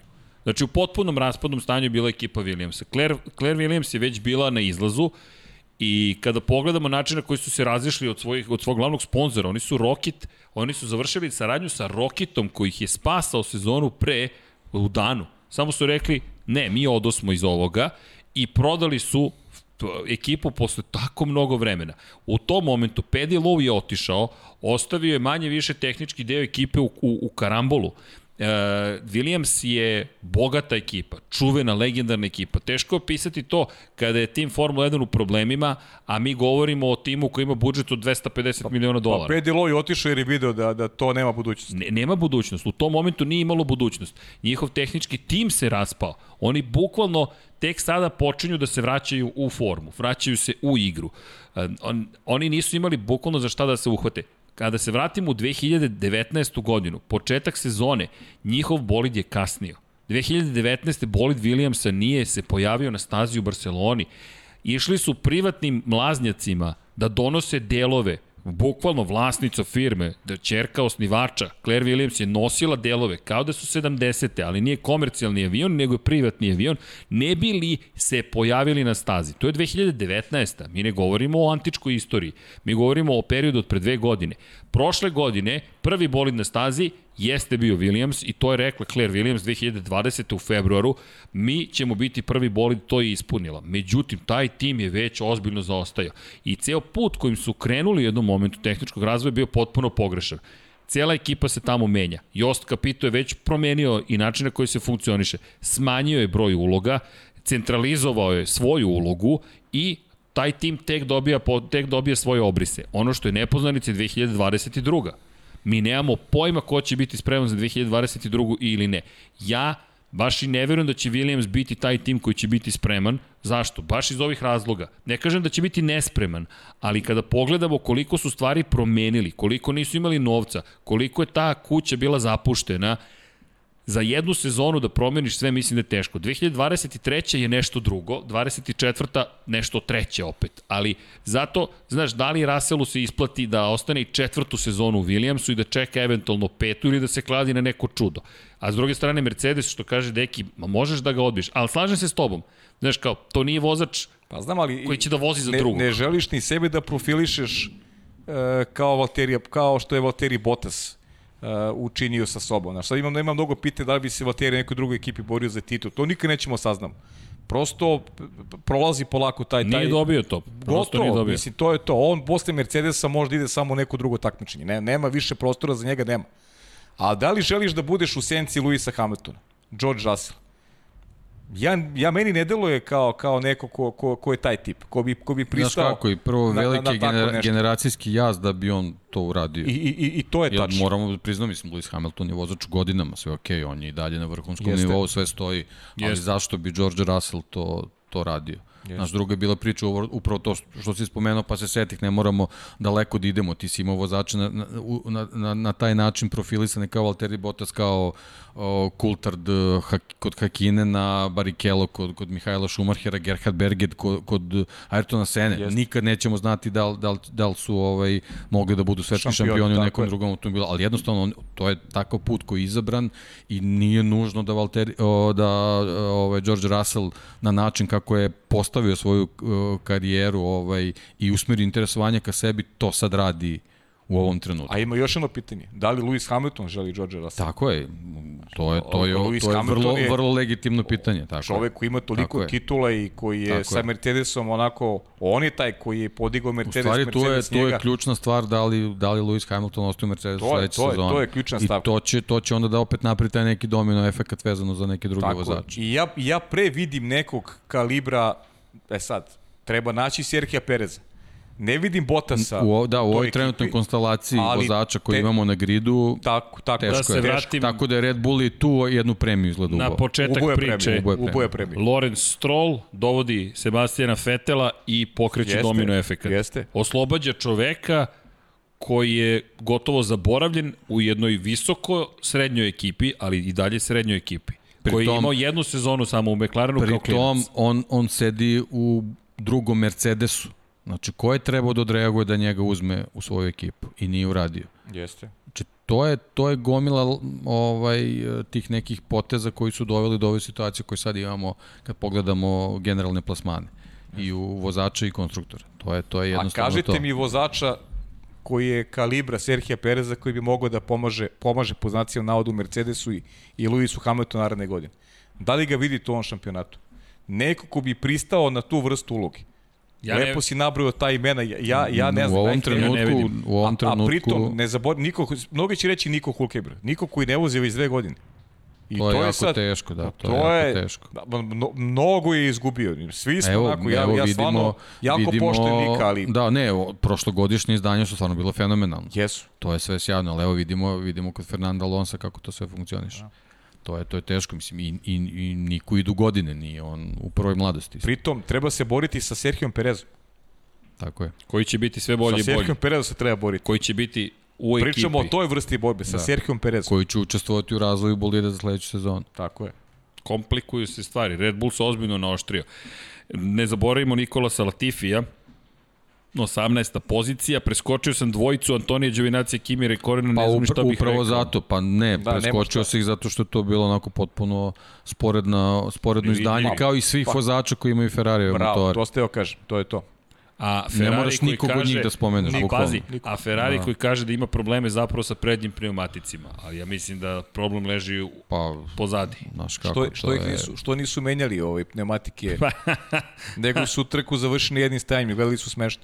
Pa da, ne, mislim da je Ferrari zapravo ne, ne, ne može sebi da prizna da je zapravo veoma slab kada je reč o pogonskoj jedinici. I dalje. I dalje mnogo zaostaje. I dalje nisu rešili probleme koji ih prate od prošle godine, makar ne dovoljno. I opet se vraćamo na to, na nekim stazama To Mađarska. to je ono što smo rekli i u podcastu. okej. E, Pričamo sad o Ferrariju e, pozitivnije zato što su napravili iskorak odnosu na prošlu godinu. A u suštini taj iskorak nije veliki. Nije veliki za standarde tako velike ekipe, jer e, prosto, et, viš kako su se i navijači Ferrarija navikli su se na, na prosečnost i, i onako prihvataju ga u smislu eto nekih ostvarenja četvrto, peto pozicije postaje neka realnost i postaje im dobar plasman. A to standard Ferrarija ne sme da bude nikako. Tako da ovo, ovo je, ne znam, ovo me posjetilo na onu trku prošle godine, da li je bilo u, nije Imoli, nego u Italiji su takođe imali ono kada, kada je Leclerc gubio poziciju, bio dobro u kvalifikacijama, gubio pozicije, ono izgledao je kao, kao turistički automobil. Mugello. bukvalno. Mugello. Muđelo, Bravo. Muđelo. U Mugello je ono jezivo bilo u Mugello. Svi smo u glas ovde, Muđelo, da, to je Muđelo, baš izgledalo... je užasno bilo. baš e, izgledalo loše. malo me podsjetilo na Mugello, ovo što smo gledali sada za, sada za A isto važi i za Hasovce, Mik Schumacher, Pa Nikita Mazepin. tek, ne, nema šta Kod da njih se jedino što se desilo je što je Mazepin bio toliko agresivan u odbrani poziciji da je Schumacher rekao da će u budući imati drugi način a, napadanja Nikite Mazepina kada se nađu na stazi. Tamo se zahuktavaju stvari između i To klopskih post, kolega. postaje i suviše lično. Da, postaje onako zategnuto i e, bit će interesantno, ali eto da, deseti put u istoriji Formule 1 da se završi trka da su svi stigli do cilja, to isto zanimljivo, to govori o pouzdanosti, govori i o načinu koji su vozili, pa možda i o stazi. Kada ti staza kaže, hej, vidi, ima, ne, nećeš do zida stići, bar ne lako, ali opet će te nešto sprečiti baš Pa, da tražiš A granicu. učili su lepo tokom subote, Jesu. petka i subote. Bilo Jesu, je mnogo grešaka. Pucanja pneumatika, crvena podloga, Upravo videlo to. se kako jede pneumatike i A sve naučili bezbedno. su. A, a sve bezbedno, da. Da, i eto, spre, eh, jedva čekam iskreno ono što će desiti već za tri dana. Ljudi, mi smo već u, u trci koja je broj 8, velika da. Da. nagrada Austriji, trostruki vikend. Sasvim drugačija, pritisak. drugačija konfiguracija. Ali opet sad da se vratimo na ono što je pritisak. Kažem, e, neko spomenuo, ljudi, pustite pritisak, cijela analiza. Evo je analiza, od kad je sve krenulo, kupovina ljudi, Sergio Perez, kockice kako su Pa, se pa složile. vidi, mislim, pade mi na pamet ovo potpisivanje Okona. Okon je u jednom trenutku bio Mercedesov vozač. Jeste. Možda je ovaj potpis jednostavno da, da bi se sprečio Mercedes da napravi potez. Ocon bi možda bio drugi vozač. U, bravo, Lewisu bravo. Hamilton. Da, on bi možda prihvatio Možda tu bi prihvatio tu ulogu, Bravo, to bi bio ozbiljan korak i ozbiljan skok. Tako je, mo- Ali ovim potpisom, Alpina, on je, jel on je bukvalno Alpina tokom, je preduhitrila Mercedes. tokom karijere, on je bio te Renault, te Mercedes, Jest, jest. Bukvalno Bravo, odlično. nisi mogao da, da definišeš kome, kome pripada. Jeste, Ovim jeste. potpisom Renault, Renault je rešio, Da. rešio ovaj, tu mo, mogućnost da Mercedes pronađe možda nekog drugog drugog vozača. Pascal Verlaine ti je u Formuli E, njega Odavno se odrekao, pričamo, da, da, da, odavno, da, da. imao je svoje pehove. Pa Roman, Romanu. Grežanu su obećali, Test, ali test, nije ali- mogao, bio Indikar. a okej, ali... Ne, dobro, i ovo je sad već nije, nije za njih situacija da, da odvajaju ekipu koja će da priprema Jer svaki automobil mora da se pripremi za vožnju, tako da ovo nije trenutak da oni sad odvoje neku Njima je rezervnu sad i ekipu. prijalo da, da to ne rade. Nikako, nikako. Njima je to i nikako. tekako Ne, prijalo. ne, pričao da sam ne o Romanu Grežanu, apropo Ne, ne, jasno, da, da, sezone, da, znaš, jasno, ne, da, ne, da, zbog, ne zbog Da. testa tokom tekuće već. Ne bi ga ja uzimo za Pa ne bi Da, ja, ne bi ni ja, ali... Eno, pono, ponovo, je, ponovo mu se palio automobil pre, pre Dobro, samo se upalio, čekaj, ali Da. kako je obrijao ogradu, to je bilo zanimljivo, kako je zadnjim krilom zakačio. Ništa nije oštiti, samo je malo obrijao tamo. Ali da, Roman Grožanu u Indikaru. No, kada spominjemo, kada spominjemo prosto druge serije, dotaći ćemo se i formule W, to je ono što je iznenađenje. Međutim, međutim, pre nego što se bacimo na iznenađenja, Ja imam pitanje, ja se nadam da sada nije kasno ili da još uvek pratite, ali da li ovaj podcast sluša Zorana Vidić? Ja bih to silno volio da znam, imam neku ovde dojavu.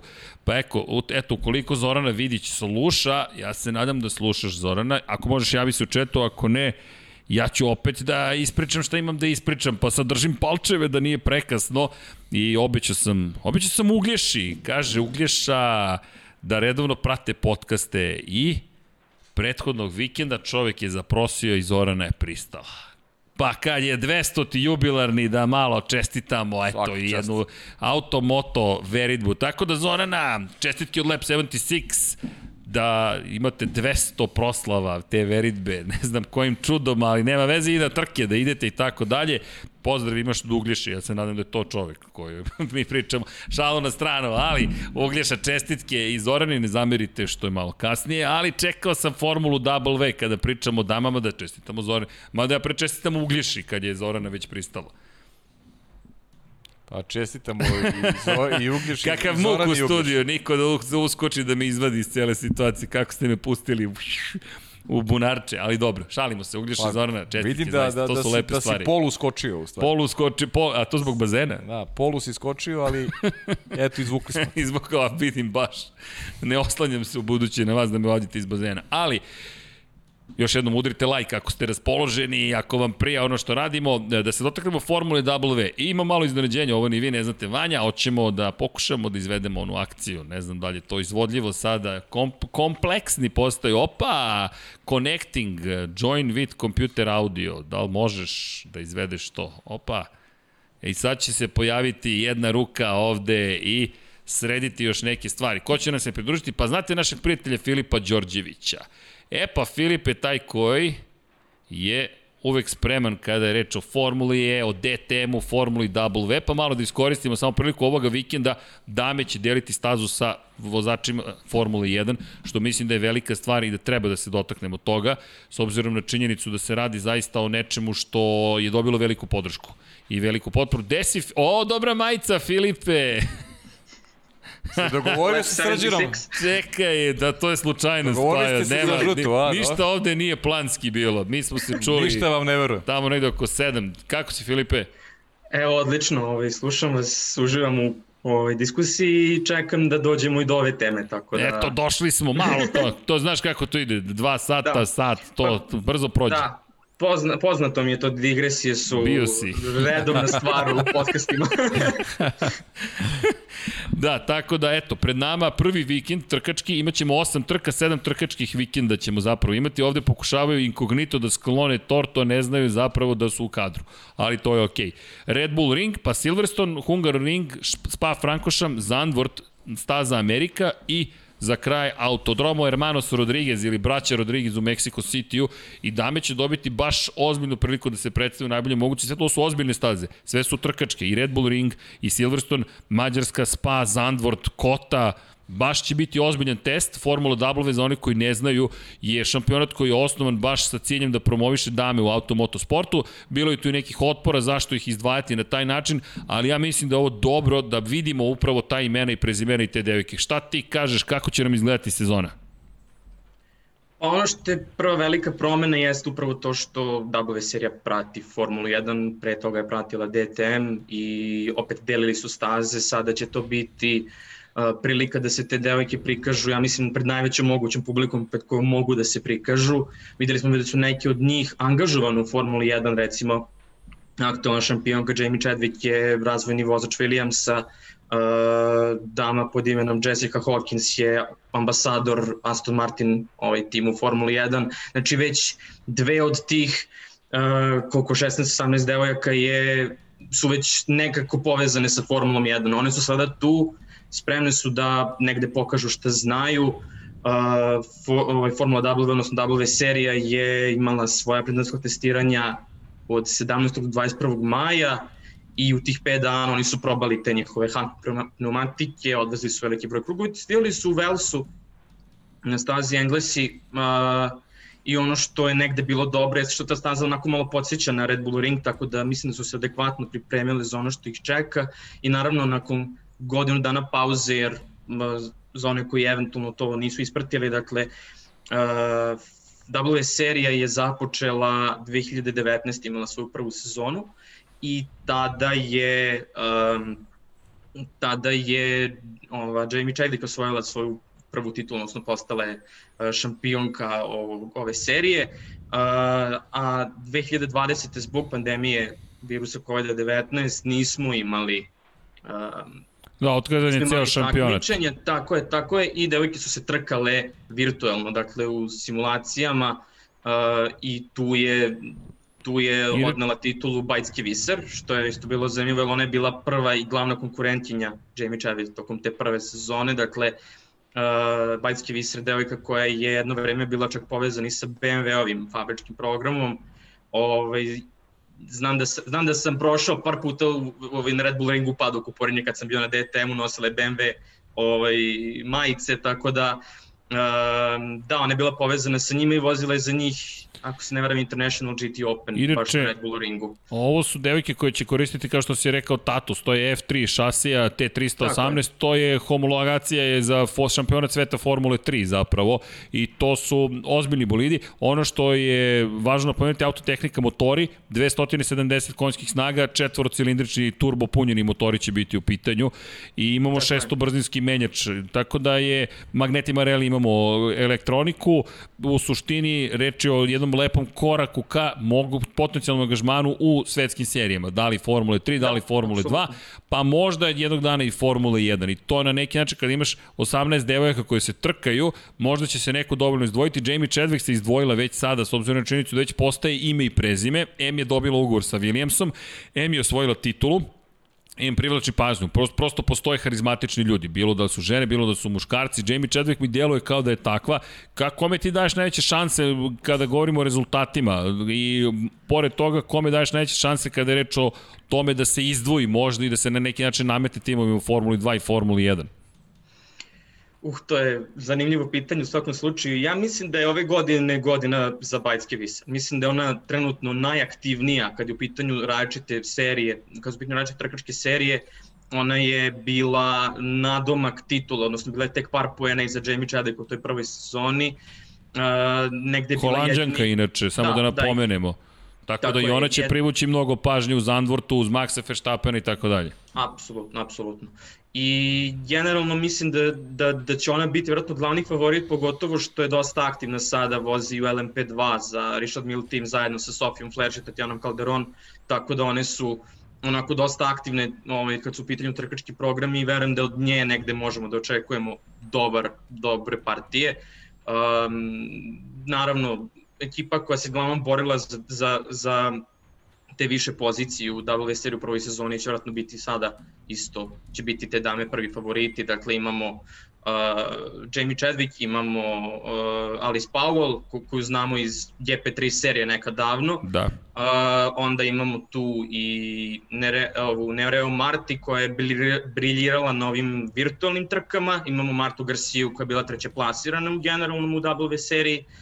I tu bih još izdvojio i Fabienne Volvend koja dama iz Lichtensteina koja se E, takmiči u Ferrarijevim GT automobilima uglavnom, ali ovde je dobila priliku ponovo da sedne u jednosede i isto pruža dobre partije, tako da ovaj, tu ima nekoliko tih dama koje će biti sigurno u konkurenciji za titulu tokom cijele sezone, uh, a ima i on, ima vratno nekih koji još tu mogu da iznenade sa strane, ja negde onako, mogu da kažem, držim palčeve, navijam za Irinu Sidorkovu iz Rusije, ona je najmlađa takmičarka, tu ima 17 godina, uh, ali isto tako pokazala neverovatno srce u tim virtualnim trkama.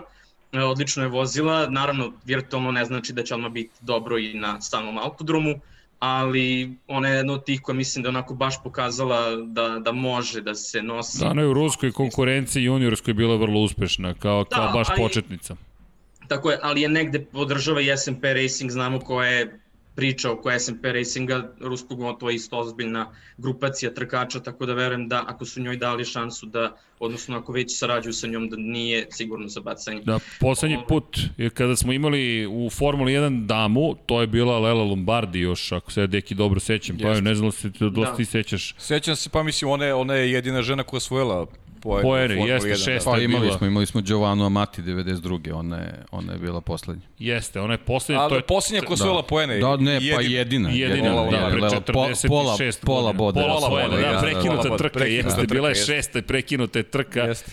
Jeste, Lela Lombardi, ali da, eto, 92. Nik, nijedna dama nije sela. 30 da. godina će sada, 29 zapravo u ovom trenutku, da. mnogo godina. Iz te perspektive je baš zanimljivo Formula W Absolut. i eto, pratit ćemo je baš iz te perspektive planski, osam trkačkih vikenda, mada ovo u suštini jeste osam trkačkih vikenda, koliko ja god da spajam Red Bull Ring, to su dva trkačka vikenda, ne možemo da ih, ne možemo da ih, da ih pa, spojimo baš u potpunosti. Prosto, prosto su dva trkačka vikenda i bit će zanimljivo vidjeti kako će se to odvijeti s obzirom na činjenicu da nam je čudna sezona. Formula 3 čas ima, pa čas nema, po Formule 2 čas ima, pa čas prvo, nema, pa Formula W. Po, po mesec dana, pa, pa Porsche Super Cup isto, ja sam, ja sam već zaborio prvu trku Porsche Super Cup, a sad idemo u drugu, sad ovaj vikend je druga, zaboravio sam šta sam gledao.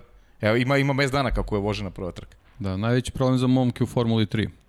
Da. Opet jest. sa druge strane, eto imaju prilike da budu možda malo angažovani u nekim drugim šampionatima, ali njima generalno treba Formula 3 da, da, ovaj, da se istaknu, da se pokažu da bi napravili korak dalje u Formuli 2, jer generalno za svih, sve njih Formula 2 je u stvari najvažniji korak. Jest. A sad su pauze ogromne, ogromne nisu baš nešto u fokusu, eto to je, to je možda mali problem. Jest. A što se tiče Formule 2, to je onako nekako ok, to je ovaj, dosta iskup šampionat, tako da šta znam, to, taj, taj raspored mi je u redu, ali mislim da za Formulu 3 ovaj, možda malo, malo bolji kalendar mogu da bude. Uh, da, za Formulu 3 mnogo, mislim da je mnogo bolji, čak mnogi pitaju, ne samo mi, postavljaju pitanje koje smo postavili na početku kako će ovo da izgleda, tri trke. Inače, Filipe, ispravim ako grešim, ali jedna trka se samo održava tokom trkačkog vikenda.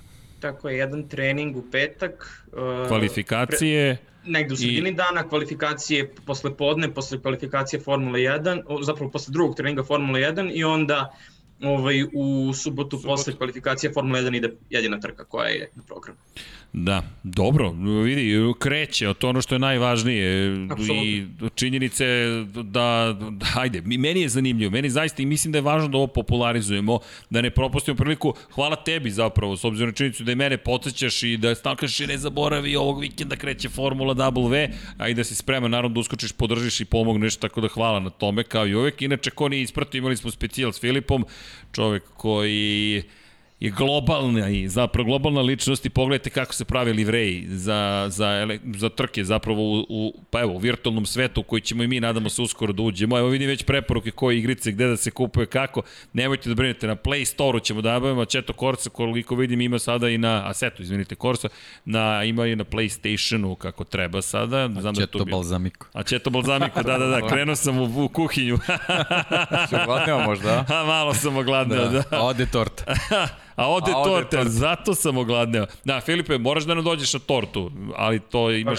Obavezno. Imaš dva dana otprilike, pazi. Ako preživi toliko. Ali hvala ti zaista i, i na, na, na, na, na, na informacijama. Imaš ti još nešto što bi istakao kada je reč konkretno o ovom šampionatu? Šta još, na što da vodimo računa? Pazi, počinje u junu, završava u oktobru. Biće tu isto lepih pauza. 4. september Zandvort, pa 23. oktober Amerika. Da, pa Dobro. ono što bih možda skrenuo pažnju jeste da nema veliki broj ovih dama iskustva na Red Bull ringu. Uh, Jamie Chadwick, Bajtske Viser, Vicky Pirija koji isto znamo iz GP3 serije. Da, Viki Piriju smo pratili. da, Sećaš da, pa je Ona se, isto, pratili ona smo. se isto tu takmiči, da.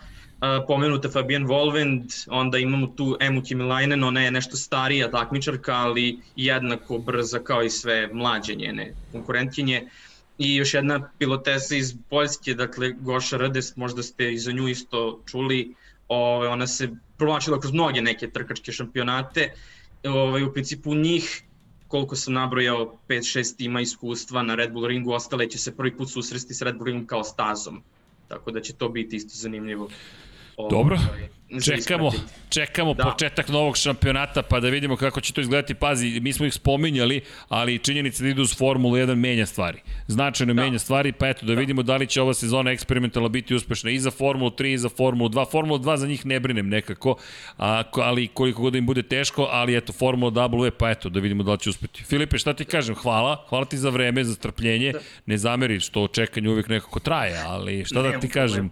Ovde smo blizu neke crne rupe, dilatacija je trajna po pitanju vremena, ali nadam se da ćeš biti i, i ponovo sa nama, a mislim da svakako vidimo Ja se prvom nadam. prilikom. Da, Želim ti lep ostatak večeri, pa Ćao, da se Filipe, družimo. ćao. Ćao. Pozdrav svima. Ćao. Vanja, sad smo u tvojim rukama, ti kad kažeš nastavljamo. Nastavite. Nastavi. Nastavite. Ajde. Okej, pitanja i odgovori, to je sve što je što što imamo još da da da vam kažemo. E sad možete da pišete Dijanu, možete da pišete Pavlu, možete da pišete na kanal. Pišu već, pišu već. Pišu i da, e, da, imamo par stvari. Uh, Formulu 3 nismo pratili tokom ovog vikenda. Mateo Lovrić podsjeća, ali ono što bih istakao jeste par pitanja. Inače, pozdrav za ekipu sa Patreona. Ko želi da nas potraži na Patreonu, takođe može. E, Počeli smo nešto novo, poslali smo pitanje koje je na Patreonu, pa tamo, ako možete, odgovorite, da spremimo za narednu nedelju nešto lepo, prosto da svaki put kada radimo Lab 76 pozdravimo posebno od ljude koji su stalno tu. Inače, imali smo jednu uplatu na početku, ali ja sam je propustio, nemojte zameriti. Kasno sam stigao, ne mogu sad da uhvatim ko je bio u pitanju, ali ću naći načina da to saznam. Tako da veliki pozdrav. S druge strane, kada govorimo o Patreonu, e, prosto nama znači ta podrška. Možete da kupite naše majice infinitylighthouse.shop, stavit ćemo naravno i link. Zašto? Pa podrška nam naravno znači omogućava da funkcionišemo. Imamo i sponzore, kao što smo rekli, Varta, to je, takođe smo prijatelji sa Fast and Furious 9, bilo je tu još nekih sponzora, bit će ih nadamo se ponovo, itd, itd, itd. Neki drugi sponzori nam omoguće, na primjer, da dobijemo Kacigu Luisa Hamiltona koja je potpisana, Valentina Rosija, Jorge Lorenza, tako da eto, ima svašta se događa, ali suštini bez vas nema ni nas, a nije ni zanimljivo, bez vas mada, mi bismo vratno pričali o Formuli 1, ali to se ne bi zvalo podcast, to se zove nekako drugačije. U svakom slučaju, to smo, ali da odgovori na pitanje baš sa Patreona, čovjek je pitao za jednu stvar iz daleke prošlosti, pa eto, Mario Vidović, nadam se da slušaš, kaže da li možemo pojasnimo šta se to tačno desilo u Indianapolisu kada je startovalo samo šest bovila, zašto se to desilo, Uf. čestitke na 200 utrka, hvala vam. Huh. I, Hvala Mario. Imamo dva minuta, govorit ću vrlo brzo. Momci, ko će? Odakle? Jednostavno je. Gume. Bridgestone, Michelin, Da. gume. 2006. godina, Indianapolis kao trkačka staza je napravljena da bude ovalna i da ima krug u levo. Dugačka je, dugački je krug 2 milje. 250 krugova puta 2 milje, 500 milje Indianapolisa. Međutim, dođe Formula 1 i kaže mi ne bismo kao nekada davno tuda da idemo, nego u suprotnom smeru i da se napravi posebna staza unutar tog ogromnog objekta. Inače imate golf teren sa 9 rupa u Indianapolisu, ne znam da li to znate. Eto, možete dodati da igrate golf. Toliko je velik prostor između startnog pravca i zadnjeg pravca da vi imate golf teren u sredini. Čuvene su krivine 1, 2, 3, 4 u Indianapolisu, nisu po tako velikim nagibom kao na nekim drugim mestima, ali baš zato Indianapolis je jedan od najvećih testova, zato što taj nagib zahteva od vas veliku preciznost. Nije kao na nekim drugim mestima gde možete baš da se zaletite i znate da će vas centri petalni, centri fugalna sila držati tu gde treba da vas drže. S druge strane, Formula 1 u tom svom krugu, izlasku na stazu, je došla do toga da Mišelinovi korisnici nisu mogli da imaju gume za koje je Michelin garantovao bezbednost do kraja trke. Mišelinovi korisnici, kojih je, koji su bili svi ostali osim šest, jel te, ljudi koji su bili na Bridgestonu, između ostalog Ferrari i vozači, su zahtevali da se promeni poslednja krivina, to su odbili u komisiji i oni su rekli ukoliko se ne promeni krivina, svi mi koji koristimo Michelin odosmo u garaže. Nažalost, to se i desilo, posle kruga za zagrevanje, svi su se povukli sa staze uz negodovanje stotina hiljada ljudi. Kao što smo pričali, stadion, trajni stadion na Indianapolis stazi ima preko 250.000 sedišta. Mi govorimo o četvrt miliona ljudi. Vi pokušavate u Ameriku da dovedete Formulu 1 decenijama. Dovedete, doved, dođu ljudi i to se završi tako što lete zapravo limenke piva po celoj stazi i gađaju s bocama zato što ste vi bukvalno rekli mi samo nas šest će da vozi. Eto, to vam je ukratko to. Bridgestone je imao dovoljno dobre gume, Michelin nije imao, timovi su se plašili za svoju bezbednost, to je bila i malo i, i igra moći, zašto, kako, šta izvesti, s druge strane Bridgestoneovi korisnici su rekli žao nam je, ali mi imamo gume koje mogu da izdrže celu trku i izdržali su, Ferrari je zabeležio pobedu, Minardi jedan specifični igrač u toj celoj priči i tako. Jordan. Jordan takođe Tiago Montiro bio Tiago treći. Montiro bio treći, tako je. Jedna vrlo zanimljiva trka. Posle toga Formula 1 više nije bila Indianapolis, iako se spominje ove godine ponovo Indianapolis da će se pojaviti. Pozdrav za Marija Vidića, Vidovića, Vidović. izvinjam se, Vidovića. A kada je reč o Formuli 3 ovog vikenda, pa eto, zanimljivo je uvek u Formuli 3 nekako. Šta god da se dešava, Da, nismo baš mogli da pratimo kao što smo Nismo, pratili da, prethodnih vikenda, ali nažalost nismo, ali vidjet ćemo i sad. Pratit ćemo Porsche Super Cup, znam sad ovog vikenda sigurno. Da, u prenosima konkretno. Prenosima, Inače, za one da. koji ne znaju, u Formuli 3 uh, Jack Duan zabeležio pobedu, sin Da, Mika njegova Duana. prva pobjeda u, Jeste. u trojici. Australijanci nekako raspoloženi u različitim sportovima, pa eto to, to vredi ne pomenuti.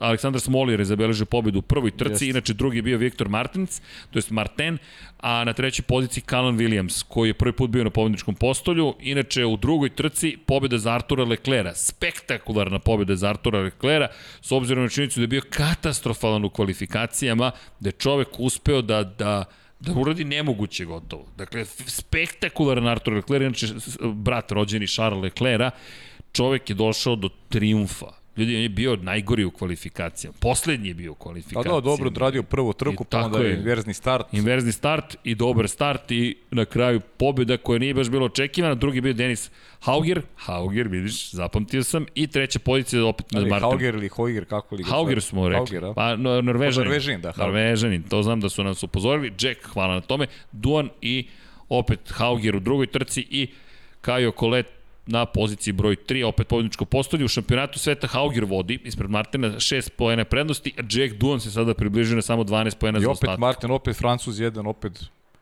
klinci, da. neverovatno. Pojavljuje se debitanska sezona i eto ga Pa. na drugoj poziciji, zaista to izgleda jako, jako lepo. I Klemen Novalak, peti, šesti, peti, čovek je četvrti u šampionatu sveta, opet Francuz. Pa dobro, Klemen Novalak, da, da, Francuz, ali ja, ja mislim da on ili vozi po francusku zastavom. ili- Francusk, francuskom vlastnom vozi, on je francusko-švajcarskog porekla Da. zapravo. Ali opet lepe trke, Artur Leclerc kao velika zvezda, ipak prezime Leclerc nosi sada već određenu težinu i lepo je bilo videti ga da jedan vikend pretvara u nešto bolje, kao što si rekao, dobra prva trka. Jeste. Da, nadam se da smo odgovorili na, na, na pitanje. E, dakle, ovde imamo stručnjake koji ne igraju BTCC. BTCC, aj, BTCC, VTCC, dok je još postojao, svašta je tu bilo. BTCC legendarni šampionat. Kako ne? Da, I to, dalje. to smo, to, mi smo malo stariji. Svi šampionati koji se voze na, na stazama po, po Britaniji, po Engleskoj u stvari, to, je, to treba gledati. Pa da, ali to je opet priča kao i sa Superbike šampionatom Britanije. Tako je, tako Kada je. pogledaš kalendar tamo, to je to su to su nenormalno, to su ne ne, izvinjavam se, neću ne mogu da potrebim taj termin. To su specifične staze. Brands Hatch je u pitanju za one koji su zaborili, ali ona indie verzija, imate Alton Park, imate Coldwell Park, Park, po, posebno. da. Alton Park znamo zašto ističemo, a, a u Superbajku kad krenu da skaču, pa i su oba točka u vazduhu, a oni se i dalje trkaju, gledajte, to, je- a, zašto trkanje u Velikoj Britaniji ima posebnu draž, baš zahvaljujući To je drugo trčanju. pitanje za Miloša Pavlovića. Da, To, to, to su jako zanimljive priče. da. Ne, ne, Velika Britanija, priče, da. s, s, Kako se tamo Tako. kale vozači. tako je. Bez obzira na šampionat. Apsolutno nije bitno. Ne, to je to, ako hoćeš da uspeš na četiri točka, mislim da se zna gde, gde moraš da prođeš deo karijere, najmanje. Pa Formula Ford, o tome smo pričali, pa je Formula Ford nema krila, nema ništa, samo mehaničko prijanje, je. pa ko uspe, Tako je. I tako dalje. Hoćeš malo pitanja, a? Kaže, donaciju imate. U, čekaj, Luka Luka, pet švajcarskih franaka. Hvala! Hamilton osvoji osmu titulu, penzija. Gasly i Russell u Mercedesu 2022. pitanje. I zašto Mercedes toliko ne sluša Bottosna, stvarno ih ne zanima njegovo mišljenje. Pozdrav svima. Pa očigledno. Pa, da, Da, ne budemo sada, ne tražimo nešto da budemo politički korektni.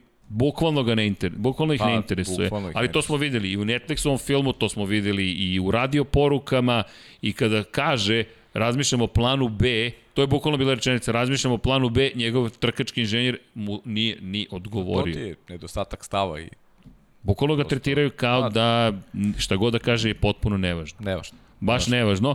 Zašto ga ne sluša? Prosto to je rezultat.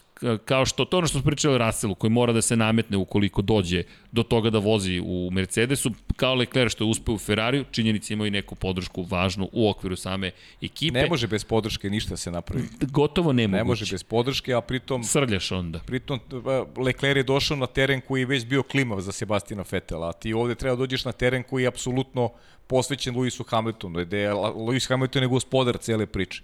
I, I samim tim je svakom teže, ko ima motiv, ko ima želju da napreduje. E, zato mi, ja zato Rasela ne vidim u tom projektu. Makar dok je tamo Lewis Hamilton. I to je sad opet vraćamo na priču. Brni okreni, vraćamo se Ali opet na pazi staru ovo priču. pitanje. Ode u penziju Hamilton, Gasly i Russell u Mercedesu. Pa kad ode po Pa penziju Hamilton možemo, možemo da, da, sad licitiramo. možemo da licitiramo. Da, ali razne Pierre Gasly-. Je, Je vam prošao kroz glavu malo pre Pierre Gasly, kao neko ko je dovoljno brz, ali razmišljam Gasly da prihvati Jeste. da bude vozač 2, i- nema pa šanse. isto, zato, zato nisam razmišljao o njemu. Znaš, a on nema Kažem, više gde treba, da ide. Treba neki, neki, znaš, tražimo profil vozača kakav je Sergio Perez, neko ko je već uh, svestan da ne može da bude šam, šampion. I, Takav nam vozač treba, a takih vozača nema trenutno u, Mi smo, u šampionatu. O, spomenjali smo, ost- ostali smo bez dva takva vozača koji su bili u Hasu. Oni su Tako bili je. ta neka generacija koji su imali dosta iskustva u, u, u ozbiljnim ekipama da bi mogli to da odgovore, ali imali su svoje ovaj, nedostatke, tako Ma- da jednostavno da. Pa da, jesu, Kevin da. Magnussen je u Indikaru. Kevin Magnussen, Sad, da, Da, da, da. pa dobro. Zato kažem, znaš, ti, ti vi- više razmišljam o tim povratnicima nego, o, nego o momcima koji sada na sceni. Jer ovi su momci Ne, bukvalno jedna generacija je otišla samo Jeste, i otišla. mi nemamo tu, tu ne, neku mogućnost da, da pronađemo među njima vozača koji će reći da, ok, ovo mi je novi uzlet u karijeri, pristajem da budem dvojka. I pozdrav za Dejana teško. Janića. Donacija 500 dinara. Hvala! Ko će imati više poena na kraju sezone? Gasly ili Vettel? Ha, Pa, dobro da. će to biti Gasly. bitka. U, to je dobro. Gasly. Da, da. Gasli, da. I ti- evo jedno pitanje, dovezujem se, Dorijan Tičak. E, šta mislite, hoće li Cunoda koštati Alfu petog mesta u konstruktorima? Vidimo da je Gasli konstantan, a pored Ferrari i Aston Martina koji redovno svoje bod- voduje s obavezača, dok Cunoda nije konstantan. I dobro je pitanje, nadovezujem se samo na... Ja mislim da će Da. Gasli imati više poena, zato što je prvo Al- Alfa je Alfa, Ta, Alfa Tauri je dobro otvorio sezonu i ta Honda dobro funkcioniše očigledno. Tako da verujem da će da će Gasli imati više poena na kraju. Deki, ti? To je to. To, da, bliži, Jednoglasni bliži smo sam tu. toj konstataciji. Da, da, da, da, da, to Da. bliži, znaš, Vettel, lepo je bilo videti ga na političkom postolju, ali ne vidim da ta kombinacija još uvek može tako često da, Da bude parira toliko visokim. ubedljiva. Tako, Tako je, tako je. Tako je. Da, Gasly, evo to. Dijane, pozdrav. Na sva trojica imamo da. isto mišljenje. Evo Gasly. samo jedno podsjećanje, Branislav Dević, hvala, ovaj, uh, malo sad paralela, Moto Grand Prix je poslao čestitku Jacku Duanu. Ovaj, sa naslovom, a, da. super. isto mesto, isti rezultat, isto prezime, samo 25 godina kasnije. 96. je Mick Duan pobedio u Francuskoj, tako da na taj način je Moto Grand Prix čestito Jacku. Lepo. Ovaj, da, da, da. Lepo, lepo, lepo. Hvala jeste. za podsjećanje, da. Jeste, evo pa i Sale Saks kaže, spomenite trostruki triumf Honda. Pa da, pa jo, e, z- video Da, si... To, to, to je, to je naš, i naš drugar Naš drugar e, Boris je Da. poslao isto. Isto. Da, da. Boris, pozdrav za Borisa, kaže da, eto, to je to. Samo da podsjetimo, pobjeda u Formuli 1. Boris Truti, naravno. Da, Boris Rutin. Da, dakle, imamo pobedu u Formuli 1. Imamo Deki pobedu u Moto Grand Prix-u imamo pobedu u IndyCaru. Kada da. pogledaš sve u jednom vikendu za Hondu, prilično velika stvar. To se ne dešava svaki dan. Da, vozi, da vozi u Naskaru i tamo, vjerojatno. Pri Verovatno. tom, pri tom Moto Grand Prix pričat ćemo sutra, to stvarno je jako, jako ovaj, Velika stvar. velika, stvar, ogromna stvar. Ogromna pričat ćemo stvar. sutra. Da, Da, da, da, da, da, E, ali da, čekaj, moram nešto primetiti. Da. Pa, znaš, možeš dek, na deke kadar, Vanja, molim te. E, primećeš šta se desilo ovoj vidri, pošto ovo više mačka nije. Ostala je prošli put bez brkova. Ko je obrio brkove? Deki OCD njegov je učinio da. svoje, nema više tigar brkove. Obrio je brkove. Da, obrio je brkove. Tako je tigar ostao bez svojih šara. Tako je. Inače, Dom Pablo me gleda mrko usto da čovek kaže nije, nije, do, nije Vanja odavno tu na svom mestu. Izvinjavam se, nisam primetio, ali ličite, to je zbog teretane. Da. Ali puče stream, kažu. Opa. Nije istina. Nije istina. Nije Marko, to je samo Prvi Vana. april, prvi Evo april. ga, e, daj, ne, ne, ne, molim vas. nemojte- Restartujte ruter. Ne, restartujte router, to poruka. ok, slika je stala. Vrućina je, vrućina je. Kažu slika je E, stala. možemo malo da, se- možemo da se hvalimo malo, a? Da se hvalimo, ajde. Pa evo, evo, jedna lepa poruka, Kaži, slavna kaži. od, od Jovana Tomića. Kaže, dobroveče, želim pre svega da vam čestitam na ovom zaista velikom jubileju. Lično u kući nemamo TV i ceo život gledam Formu 1 preko raznih streamova. Ali onog momenta kada sam ogledao vaš prvi podcast i kada sam shvatio da vas dvojice radite Formulu 1, odlučio sam da kupim Eon Sport paket i da uživam u trkama uz vaš komentar i nisam se pokao ni jedne sekunde. Svakog utorka protiv godinu dana družim se sa vam, pa tako i večeras. Hvala. Pozdrav naravno i Dekiju veliki Hvala. i zanima ga, zanima ga naše mišljenje da li Ferrari po konfiguraciji staze više odgovara Red Bull Ring od Francuski, da li mislite da je BF1 moglo da vede pravilo da dodeli poen osvajaču pol poziciju. Eto, Ja sam pre za taj poen nego za najbrži krug, iskreno.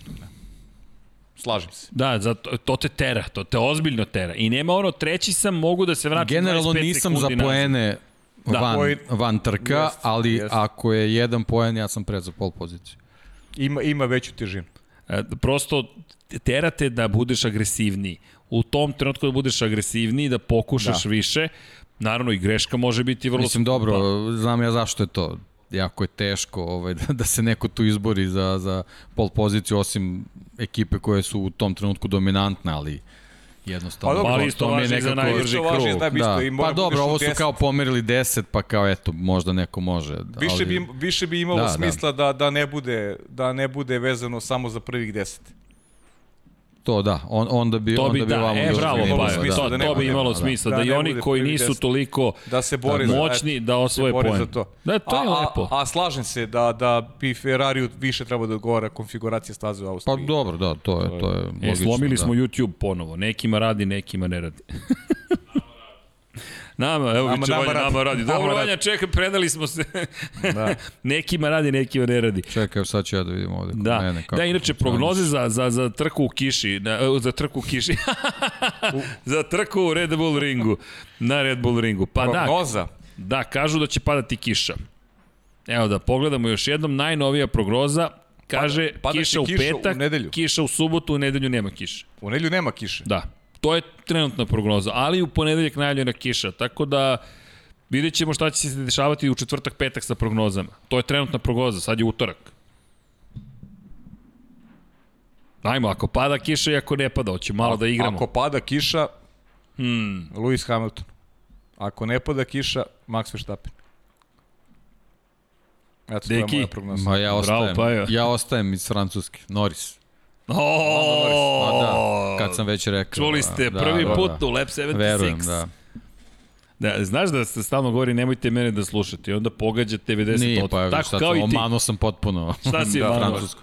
Francus, dobro, Pa pa, da, dobro. dobro, Šta sam- smo se, dobro, da, ali- okej. Ti si u stvari, pa ti si u Francuskoj, ti ja smo igrali za pol poziciju, a šta se, ja sam rekao, šta sam rekao, Bottas? E, mislim da si rekao Bottas, da. Ja sam rekao Bottas za pol poziciju. Dobro, nismo igrali za trku, ali dobro, mislim, u principu prenesemo Pa da, poziciju na prenesemo, trku. to je to. Ako bude ok vreme, Bottas je ozbiljan favorit i ovde za pol poziciju po meni. Da, Okej. jeste, jeste. Ok, znači za prv, dakle za prvu Austriju ko će da pobedi u prvoj Austriji?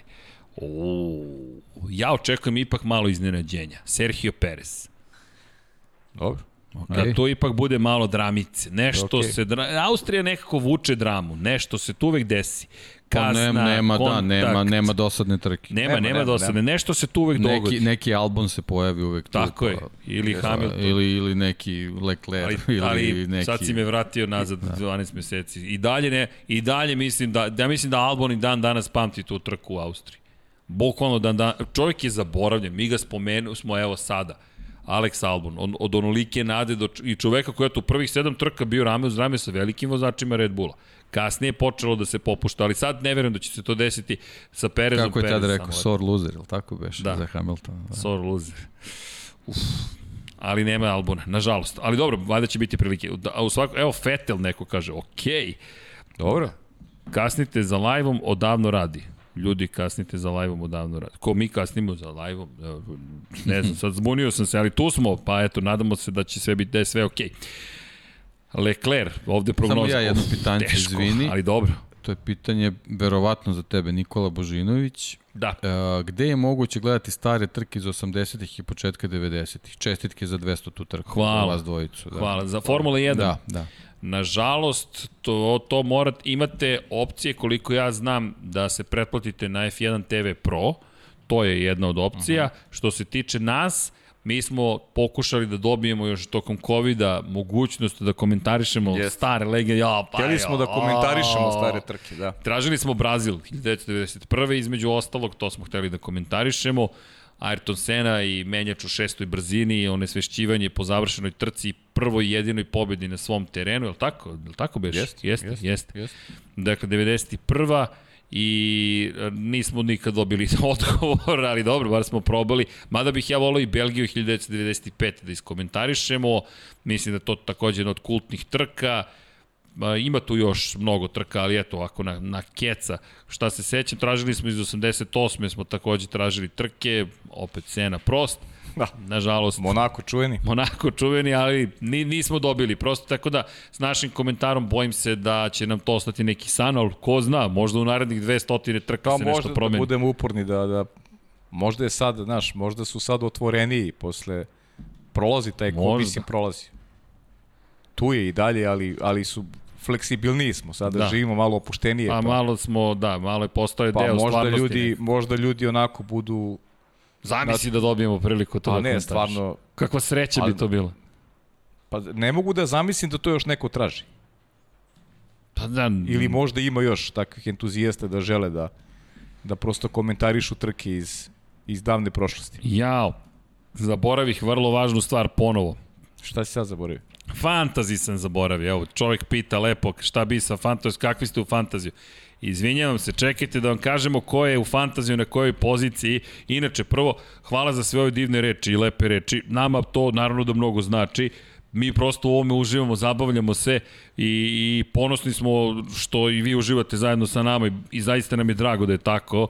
A što se tiče svega što radimo, ljudi, ako imate ideju da, da još nekako ulepšamo, uveličamo, učinimo stvari boljim, tu smo, naravno, mi pokušamo pre svega da bude lepo, zabavno i kulturno, da, da neke stvari radimo na neko određeni način koji prosto smatramo da, da mora da postoji. Ja sam 756. od 919 korisnika, to jest učesnika u našoj ligi, na poziciji bor broj 1, Mr. Lights Out AAVG, by Larry T. Larry T ima 1594 Kao Johnny poena. B. Inače čovjek ima kanadsku zastavu, tako da i to onako ozbiljne trke u Monaku imao Mega Drivera 416 pojena, bio je prvi, u Francuskoj 12 i 255, na poziciji 2, leteći Mango. I Đorđe, Đorđe Š je u pitanju, isto u Monaku 410 pojena Mega Driver, 237 u Francuskoj. Na trećem mestu Stefan P. Daj na mečku da se igramo, koji iz trke u trku je to, ste pozdrav za Stefana iz Bosne i Hercegovine, znači iz Srbije Đorđe Š. A, Nidhu, Nidhu, Nedim H je i to u Azerbejdžanu dobri poeni, u Francuskoj ovde je konstantan Mega Driver samo na početku sezone, da, ovde iskus, iskusno takođe iz Bosne i Hercegovine, iz Hrvatske 300, 300 F1, pozdrav 255 poena, mada tu neki jockey, wild card je upotrebljen, a wild card, dobro, na poziciji 5, zatim iz Sjedinjenih američkih država, Vodka Red Bull, Nenad M je u pitanju i Mega Driver tamo u Monaku, svi su Mega Drivera koristili u Monaku, šta je ljudi to bilo s Mega Driverom, a Mega Driver je bio Verstappen, vrlo interesantno, viš, svi su tipovali na to. I zatim Nenad M iz Amerike, zatim Stefan E, Stefanov leteći cirkus, koji je u Imoli tamo imao Mega Drivera, najzad neko Imoli, Verstappen mu imao Mega Driver u Imoli, pa na poziciji broj 8 Mateja, tim 1 Mateja, isto u Monaku Mega Driver, 1503 poena, zastava F1 tim, druži se Filip S iz Srbije i Nemanja L iz Srbije je tu zbinala, dakle, isto u Monaku Mega Driver i vidiš kako se... Imam osjećaj neki čudni da će u Mađarskoj pasti Mega Driver. Ne znam zašto mi to... Mada i Red Bull mislim da će da povuče veliki broj ljudi ka Mega Driverima. Moji vozači Leclerc, Perez, Sainz, Schumacher i Russell zajedno s Mercedesom nisu se nužno proslavili tokom ovog događaja, ali dobro. Nećemo se žaliti. Koji si na... 756. Pa tu je, blizu i medalje. To je ovo što kažu 919, Ja, Vanja, to? kakav si, ne mogu Ja sam da verujem. 113. Blizu medalje. O, najgori si od sve dece, Dejane. 113 i zadovoljan. Dobro. Skoro pa zlatna sredina. Pa evo, Ja sam prvi. koji ne Prvi igram. među prvi koji ne igram. ne, ne, sledeće godine da nam U izdiktiraš. ovo vreme hoću. Ovo vreme. Moji jasovi su Verstappen, Leclerc, Gasly, Norris i Russell. I tim je Red Bull. Pa dobro, to je verovatno Ne, okej si- bilo. Da, si- da, da, da. to je- to Osim okej. Leclerc. Ovo ostalo je simpa. Jeste. Dobro. Lepo, lepo. Dobro. Dobro, eto, Dobar nadam se izbor. da, da eto, na, igrajte fantasy. E, čekajte da stavimo koja je liga u pitanju, da, da vam prebacimo i link, ubacit ćemo odmah ovde. Evo, Kristijan Kodrić pita da li majice idu izvan Srbije. Upravo završavamo taj deo sajta da možemo da, da vam šaljemo.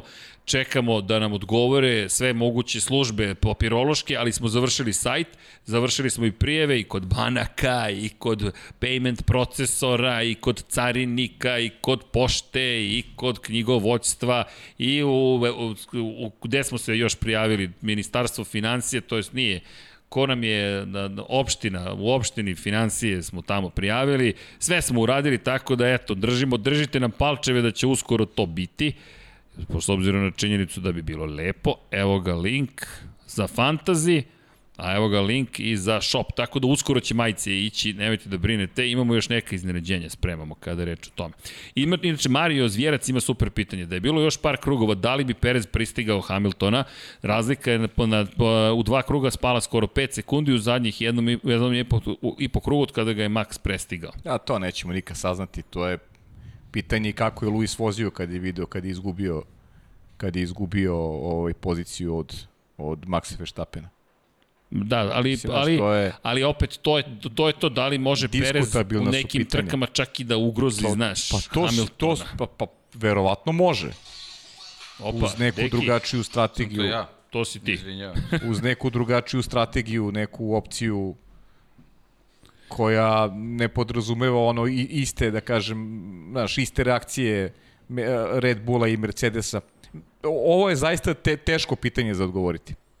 Jer mislim da, da, da je Luis popustio u momentu kada je izgubio prvu poziciju, da je svestan bio kakve pneumatike ima i da jednostavno uh, iskontrolisao, iskontrolisao tu drugu poziciju koju je imao. Znaš, to meni tako deluje. Vidi, nije nemoguće, sad ne znamo. Naravno, ono što je meni, na primjer, super, to smo zaboravili da spomenemo, kod Pereza, njegov stav, Sergio je rekao, stava sam da je ovo bila u redu trka, gde je rekao da bi bio zadovoljan da su imali dvostruku pobedu. Nije insistirao na svojoj pobedi koliko na tome da imaju pozicije 1 i 2. Vrlo zanimljivo. Vrlo zanimljivo. Pa ja mislim da će to dogoditi tokom godine. Pogotovo sigurno. Da će Red Bull uspeti u tome da ima makar jednu dvostruku pobedu. Evo, kaže Slaviša Nikolić Crki i Martina u ponos dovelo do F1 Na vašoj prvoj komentarisali ste- trci je bila dvostruka pobeda. Jel tako? Da, da, aha, govoriš o Da, Turskoj da. 2011. Turska 2011, Da, da, da. Sad si me zbunio, rekao, Da. čekaj da, Da, da, obrnem jeste, film pre 10 godina. E, Inače, dva Red Bulla na podijumu, sad Jeste. su bila dva Red Bulla na podijumu, tad je bio jedan šampion, sad je još jedan šampion. eto. O! Alonso bio treći. Alonso bio Alonso treći. bio treći, Da, da, jeste. da. Jeste, jeste. Eto, kako se vrti sve. Simbolika. Ha, jeste.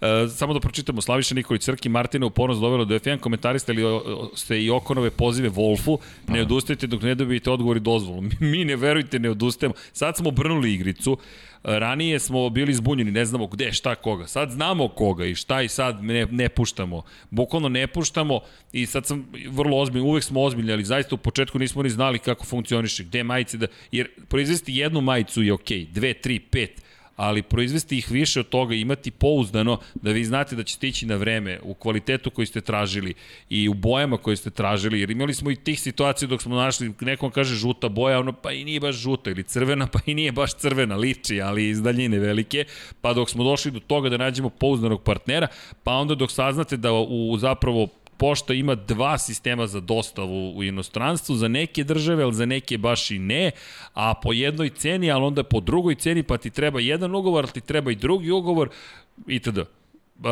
to je naš deo posla, mi ćemo to da sredimo, naučili smo mnoge stvari. Shop je završen, inače obratili smo se na kraju jednom od gledalaca Lab 76 i rekli, Zorane, možeš da nam pomogneš, plaćamo, kako god, šta god, samo nam pomozi jer ovo više nema smisla, čekamo, čekamo, čekamo, čekamo, i Zoran je uskočio i zaista nam puno pomogao. Pozdrav za Zorana Šalamuna koji je eto pristao da čovjek inače ne radi tako male šopove, ali specijalno za Lab 76 Infinity Lighthouse je rekao, ok, podržat ću vas, pomoći ću vam, tako da hvala Zorane na tome. Mi se nadamo da ćemo moći da, da uradimo nešto slično tome. Bukvalno smo mikroklijent, ali hvala. Ue! Tako da eto, promovišemo iz ZS Development. Pozdrav svima, naravno, imamo dosta pozdrava. Hvala zaista za sve. I ono što je pitanje, da, Nikola Niksi, zaboravili smo, koga od ovih vozača ne vidite u sledećoj sezoni F1? Yuki Tsunoda, Nikita Mazepin, Valtteri, Kimi i Nikola Latifi. Da li, je, da li ikoga od njih ne vidimo? Nužno? Trojicu ne vidim. Koga ne vidiš? Ne vidim uh, Latifija.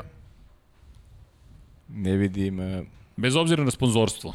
Bez obzira na sponzorstvo. Ne vidim Cunodu. I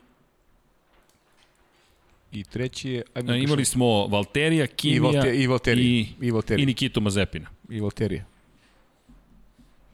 deluje mi smi... sad su za Cunodu, prilično sam siguran takođe. Mislim da Cunoda je potrošio svoje kredite ili da ih još uvek troši. Jedino da ima neku spektakularnu završnicu sezone, da je neka druga ekipa, razumem ja i Hondu i sve što su učinili, ali ovoliko A, Više bi rezona bilo da Cunoda ostane da, da, da Red Bull nije ovako dobar. Ima smisla. Ima smisla. Tebi sada treba ovakav, sledeća generacija. Ovakav, re, ovakav Red Bull, pa ovo je, ovo je i dalje za Hondu nenormalna reklama.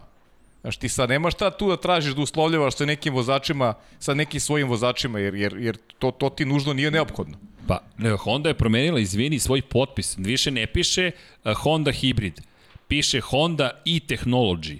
A, to deluje kao sitnica, ali ljudi to nije, to je snaga robne marke, konkretno u ovom slučaju brand i product awareness, to jest koncept awareness, gde oni ne pričaju više o hibridu, da. nego o e-tehnologiji.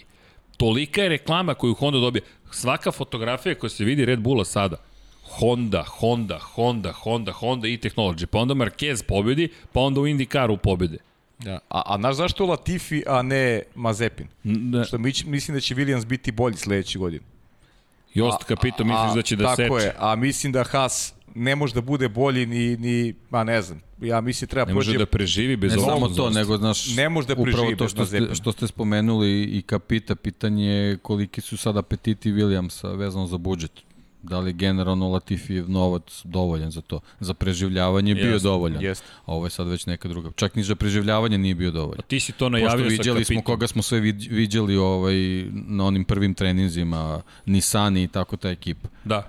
Znači, ni, ni Latifijev novac nije bio dovoljan, nego su morali jednostavno da, da prodaju to, to svoje mesto. Tako da, ovaj, vidjet ćemo taj, taj, taj, taj no, ta nova organizacija, nova postavka u Williamsu, šta će doneti i da li će stići neki novac koji će samim, s tim, ta, samim tim istisnuti Latifije. Jer firma njegovog oca dalje najzastupljenija na, na zadnjem spojleru. Jeste. Ali je veliko pitanje da li će tako ostati. Jost Capito nije čovek koji lako pravi kompromise, to jest ima kompromise, ali ovo pitanje da li je više prihvatljiv kompromis, to je ono što si lepo rekao.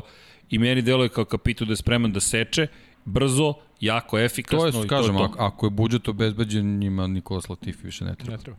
On, je, on je tu bio sa svojim iskustvom test vozača, pre svega u Renaultu, generalno nije ništa posebno doneo, vidi se i što se tiče Pa se i trka i što se tiče da. razvoja, Pa da. tako da ako, ako nje, novac njegovog oca više ne bude bio potreban, on To je to. nema potrebe da. bude više u Williamsu. Za Rajkorene samo napomenu da ne zaboravimo, e, Kalu Majlot i Robert Kubica će u naredne dve trke imati bolid u rukama u treningu broj 1 za Alfa Romeo.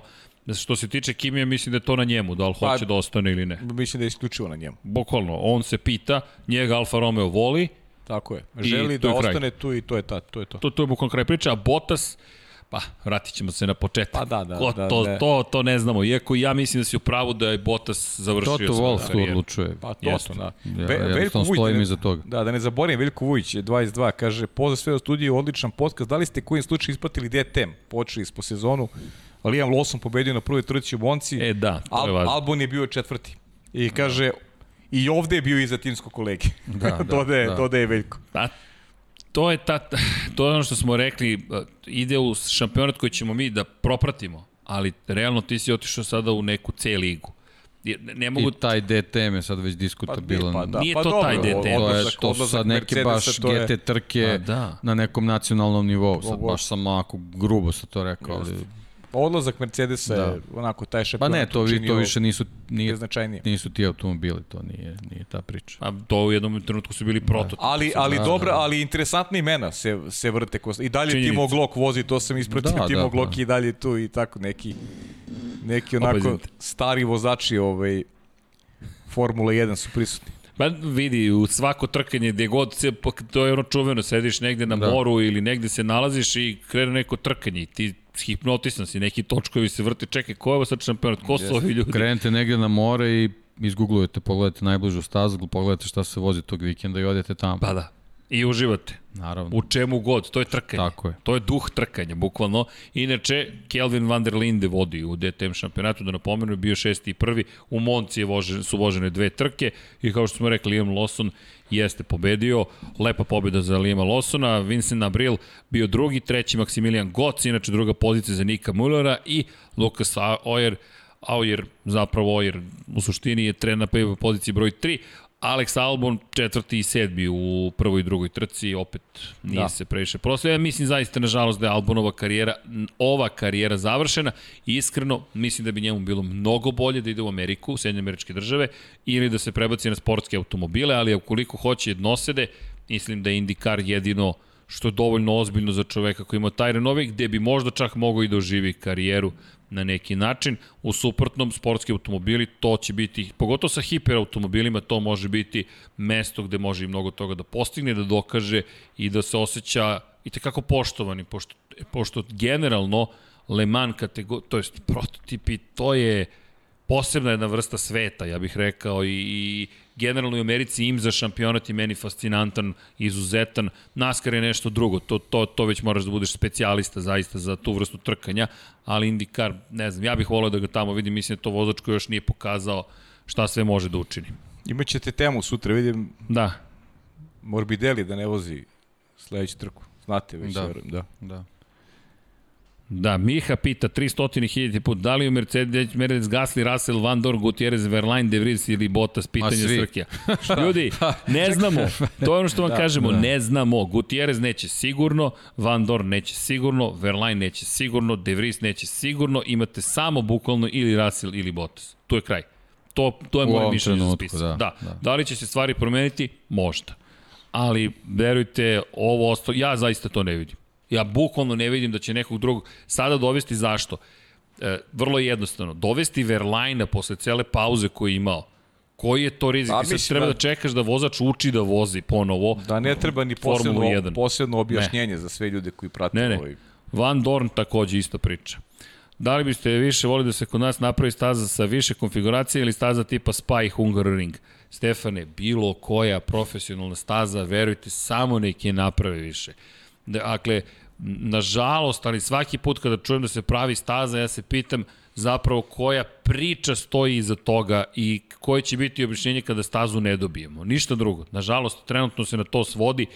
Ja imam 45 godina, sećam se sa 16 priče o stazi, sećam se sa 14 priča o tome kako će se staze koje su postojale tada u toj državi menjati, od tog filma ne vidih ništa za ove 31 godinu. Ali se nadam da ćemo jednog dana imati stazu na kraju univerzuma i da će biti negde, tu u okolini.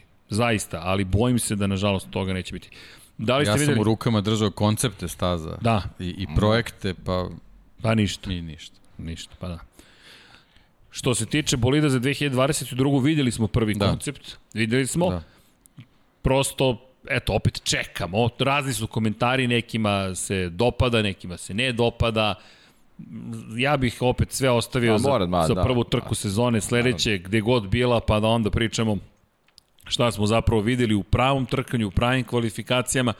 I ima tu, me, me, ja bih volao i dalje da smanje te bolide, ali to se neće desiti. To ono što Deki rekao još prošle godine, ljudi, 5,5 metara, to je, to je, to je problematična Treba, dužina. treba ovaj, zadovoljiti sve bezbednostne standarde i to na manju metražu ne može da stane. Teško, vrlo teško. Of, koliko, ima mnogo pitanja, zaista, Ima. ne znam da. Crki, koliko si Moramo ti malo komentarisao da... trka MotoGP? Evo sad To ćemo, za sutra. još malo, evo daj, Sutra, još da. 10, još 8 minuta i prošli smo ponoć.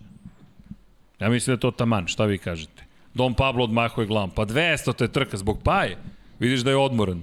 Da. Vidiš da je svež potpuno, ali evo, još 8 minuta, samo kratko idemo dalje. A, Jas Marina A, probamo kratko. live. E, pa da, da. Jas da, Marina, Jas to je Marina, važno. Da, to je važno, da. jeste. Da probamo kratko, ne veruješ? Tome, da. Pa kratko, jedno 15 minuta, da. Kratko jedno pola sata. Da, Deki, ne znam ko nam je bio gost i Deki me ovako gleda i dok nije kamera na njemu. Mora čovjek da ide. A ja kao, da, da, super su pitanja. Nismo se baš razumeli šta je. Gudurić, Marko Gudurić da me bio i Deki me gleda šokiran. Pusti čoveka, ima pripreme, treba da putuje za Ameriku. Ja, a ja Mora sve- da dremne malo. Mora, a ja razumem, aha, dobra pitanja da nastavimo, dobra emisija i tako. Ali da se vratimo na izmenjenu stazu Jas Marini. Pa meni se dopada, moram proiznuti. Pa mora da se vidi trka. Ja uh, lično volim onaj segment, sad već stari, pretpostavljam. O, o treći. Pa posle tog drugog zadnjeg Da. pravca, tog To kočenja, ne kao ta šikana toliko. Onaj uzbrdo. prvi okej. Da, da, da, meni je taj deo bio baš onako zanimljiv, delo mi da nije baš jednostavan za, za prolazak. E sad, šta znam, mislim, ako ovo doprinese nečemu zanimljivije, mada te, te krivine ovaj, na taj način konfigurisane nikad nešto specijalno ne donose, ali e, ok, verovatno postoji neki razlog, šta znam. Da, evo da odgovorim Janku koliko sam trka komentarisao Moto Grand Prix. Ne znam tačno, Prebrojaćem. ali od 2007. godine sam komentarisao, ja mislim da dve nisam komentarisao, samo jednom sam bio na, u Brnu, nije, nije bilo kabine u tom momentu dostupne, pa nisam komentarisao to je 2011. ali smo uradili intervju s Markom Simončelim između ostalog, tako da ta, ta, ta i sa Valentinom Rosijom smo uradili intervju tad u Brnu 2011. tako da to neka, neko drugo uspomena. Nisam komentarisao jednu trku 2010. zato što je avion iz Amerike zapravo vraćen iznad Atlantika, pokvario se jedan od, od, od brodskih računara, pa su nas okrenuli nazad, pa onda dok sam stigao nazad do Praga, pa preskočio i tako dalje, ja Žule je dobio da radi, znam da me je proklinjao, jer je kao, pa da li si ti, ono, pa kaže, Žule, da avion, šta ću, dva dana smo bukvalno za gla izgubili, dok su nas povatali, vratili nas i onda nisu ni vratili za Njurk, nego za Atlantu, pa iz Atlanta, ludilo kombinacija. To moraš da pronađeš da čujem kako, prevodu, kako je u zvučalo. prevodu to. Srđan će izračuna Da. ovaj, a Za ja 8 mislim- minuta. A mislim da to ima, da tu od 2007. godine tu ima pozamašna je to brojka. Pa da, 15 trka, 16 najmanje godišnje, a ovo je 15. sezona, eto, to je već 250 otprilike Sigurno, da. trka, 250, da kažemo, Moto Grand Prix, kad pomnožiš sa tri kategorije, eto, 750 trka u motociklizmu, dodaš Red Bullov kup Novajlija, uuu, jedno ovih 800 de, trka. 200, znači 1000. Ja tu sam na 1000 trka. Eto, lepo. Uuu, gde je moja torta? Dobit ćeš, moja torta? dobit ćeš i sledeće godine. Kako će uticati odluka na vozače Alpine Akademije na popis novog ugovora za Okona i da Alpine ima vozačku postavu za 2022. godinu jednog vozača do 2024. Ovo je dobro pitanje, Aleksandar Mitrović. Treba se strpe samo. Malo su navikli, znaš, preko noći da stižu u Formula 1, to, to bih volao isto da se promeni. da, to je dobar Kako odgovor. reći Puršeru da se strpi, a E pa, sad. šta ako osvoji titul ove godine u Formuli 2 već? Dečki ima 18 godina. Pa, 18 godina. Ako ima i Max? Pa dobro. Ko je taj talenat? Pa Šta treba, raditi? treba da pokaže da je taj Da, talent. ali- Kako brusti taj talenat? Kroz Ali- koje takmičenje ga brusiti? Ali šta će da radi ukoliko ne dobije ugovor? Kome će da se žali? Pa, pa nema kome da se žali. Ali to ti je pitanje je- tajminga. Seti se... Šta... Timing jeste mnogo bitna stavka. ali On može da izgubi. Ali pitanje je i procene. Da, da, ali Pitanje je procene, znaš, pitanje je procene koliko si, uh, pazi, tajming možeš i da promašiš. Znaš, tajming možeš da je promašiš. Ako, A, a to sam htio ti ako- kažem. Ako ne, ako ne daš Seć- nekom šansu znaš na koga vreme- mislim? Da, Znaš na znam, koga mislim? Znam, jasno. ima jedan čovek koji je bio šampion Grand Prix 2 Jeste. serije i A mislim, došao, mahnuo par puta u kameru Jeste. kao član tima i to je me- to. pa. Sede u Lotosu koliko godinu dana. dobre meri je i sam možda kriv. Jeste. Ali opet i tajming za, za, za te Porsche, ali dobro je pitanje. Mislimo na Valsekija. Da, Da, da, da, da, da, da, da, da, da, da, da ne zaborimo, Valseki čovek koji, eto, ko se seća Valseki, ne znam i gde je trenutno čovek, Pa- ali, ali, Ne znam, Ja ali, ga slušam na, kad igricu imam na GP2 Stvarno? čuje, on, on komentariše. ja, Da. pa sjajno, da, da, da. A sjajno. ušao u te vode, viš da mu... Pa naravno, pa deće. Pa deće, ali pazi sad ovo. A prošle godine, bio, čini mi se da je bio posle neke trke. Da, Jeste, da, uzimao je intervju. neki- neki- On je uvijek uzbuđen Da, kada da, radi ko- intervjue. Ko Michael J. Fox otprilike, sav je na, Pa, na, da, struju, da. Nekad overi. Ali ono što je e, što je nekako u tom pitanju važno, Teo Puršer, ako ne dobije priliku da uđe u Formulu 1, šta ti je sada pitanje tajminga? Odlično je pitanje, sviđa mi se baš iz te perspektive. I ne odbrani titulu u Formuli 2, ma da on ne može da ostane u Formuli 2, on mora da ide. Alpina, Hipercar, 24 sata Le Mans. Da, 24 časa. On je francuz, nije, nije Da, da, da, Hipercar. Ili IndyCar, ali ako odeš u IndyCar, ti si na drugoj... Ne, ne, ne, A to je- Pa ne, ne, to je, to je... Da, Hipercar je baš za evropljene koji ne mogu, o, Indikar je za evropljene koji ne mogu da, da, se, da se snađu ovaj, u, u ovim da. našim šampionatima. Da, da, ali sad to je, ali odlično je pitanje, propustiš tajming i to je to. To može da bude to, zato što ako ti odeš, a pojavi se neka veća zvezda umeđu vremenu, daleko od očiju, daleko imamo, od srca. mi imamo i je- Žova koji je vezan za Alpinu. Jeste, koji Zhou. ogroman sponzorski paket Tako iza je. sebe. Tako da, znaš, tu je, tu je mnogo, mnogo pitanja, samo su dva mesta, nema, Da, nema pa, tu da. mnogo pa zato, zato jeste pitanje. Odlično je, odlično znaš, pitanje, jeste, hvala. Odlično pitanje. Inače, jedno da li, pitanje. Da li Alpina može Renault motor negde da ubaci pa da njih stavi tamo? Tako je. To je isto A pitanje. kome nedostaje motor? Pa to je sad stvar ugovora, to sad trebamo vidjeti kako, kako se razvija ta nova priča, nova generacija, to možda bolje ste ispratili od mene. Ta nova generacija bolide, kako, kako, da, da li je Renault tu spreman da, da, da uđe na taj način.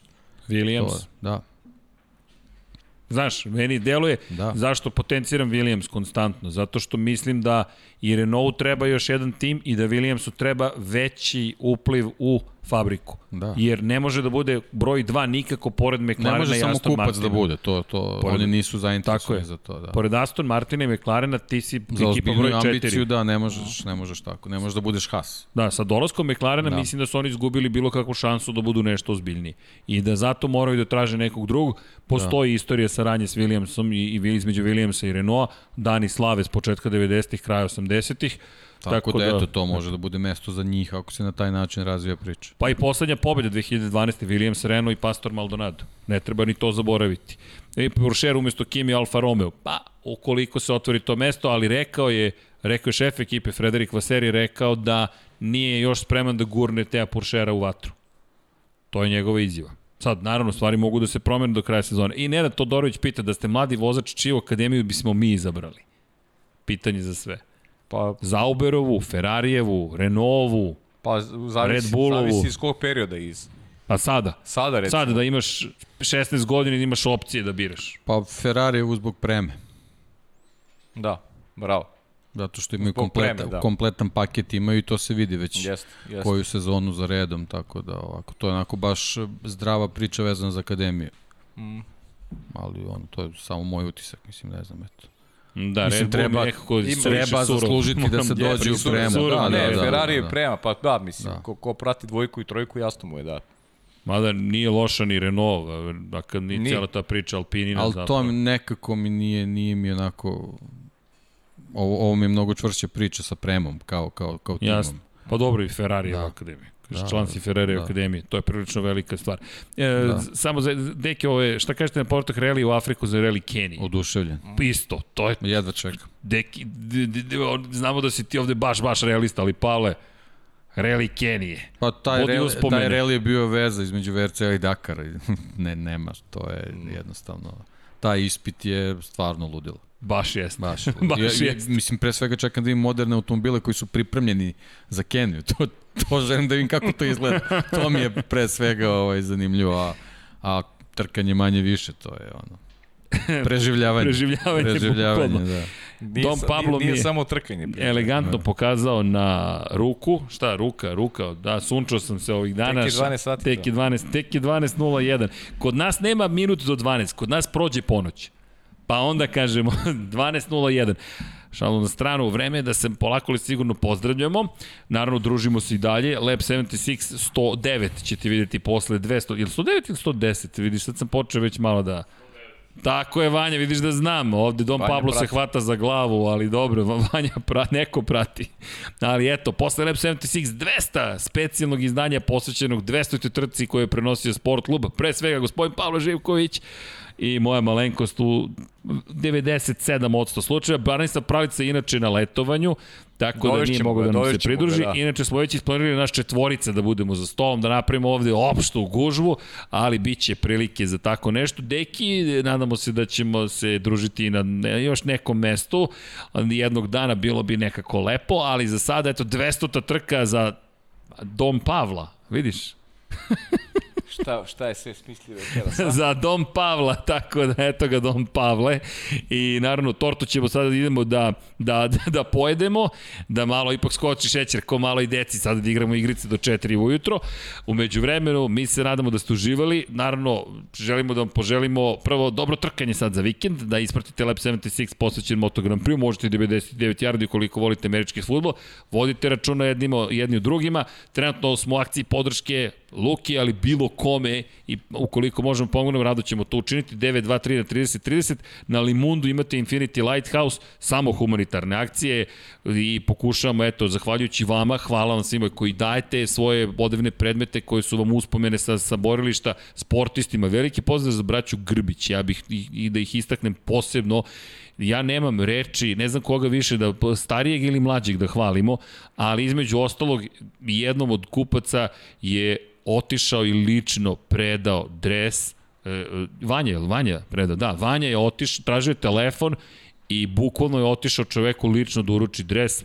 Čovek je bio šokiran jer smo mu rekli doći će kurir pa da pita da li si tu da popijete kafu, kakva crna kafa s kurirom.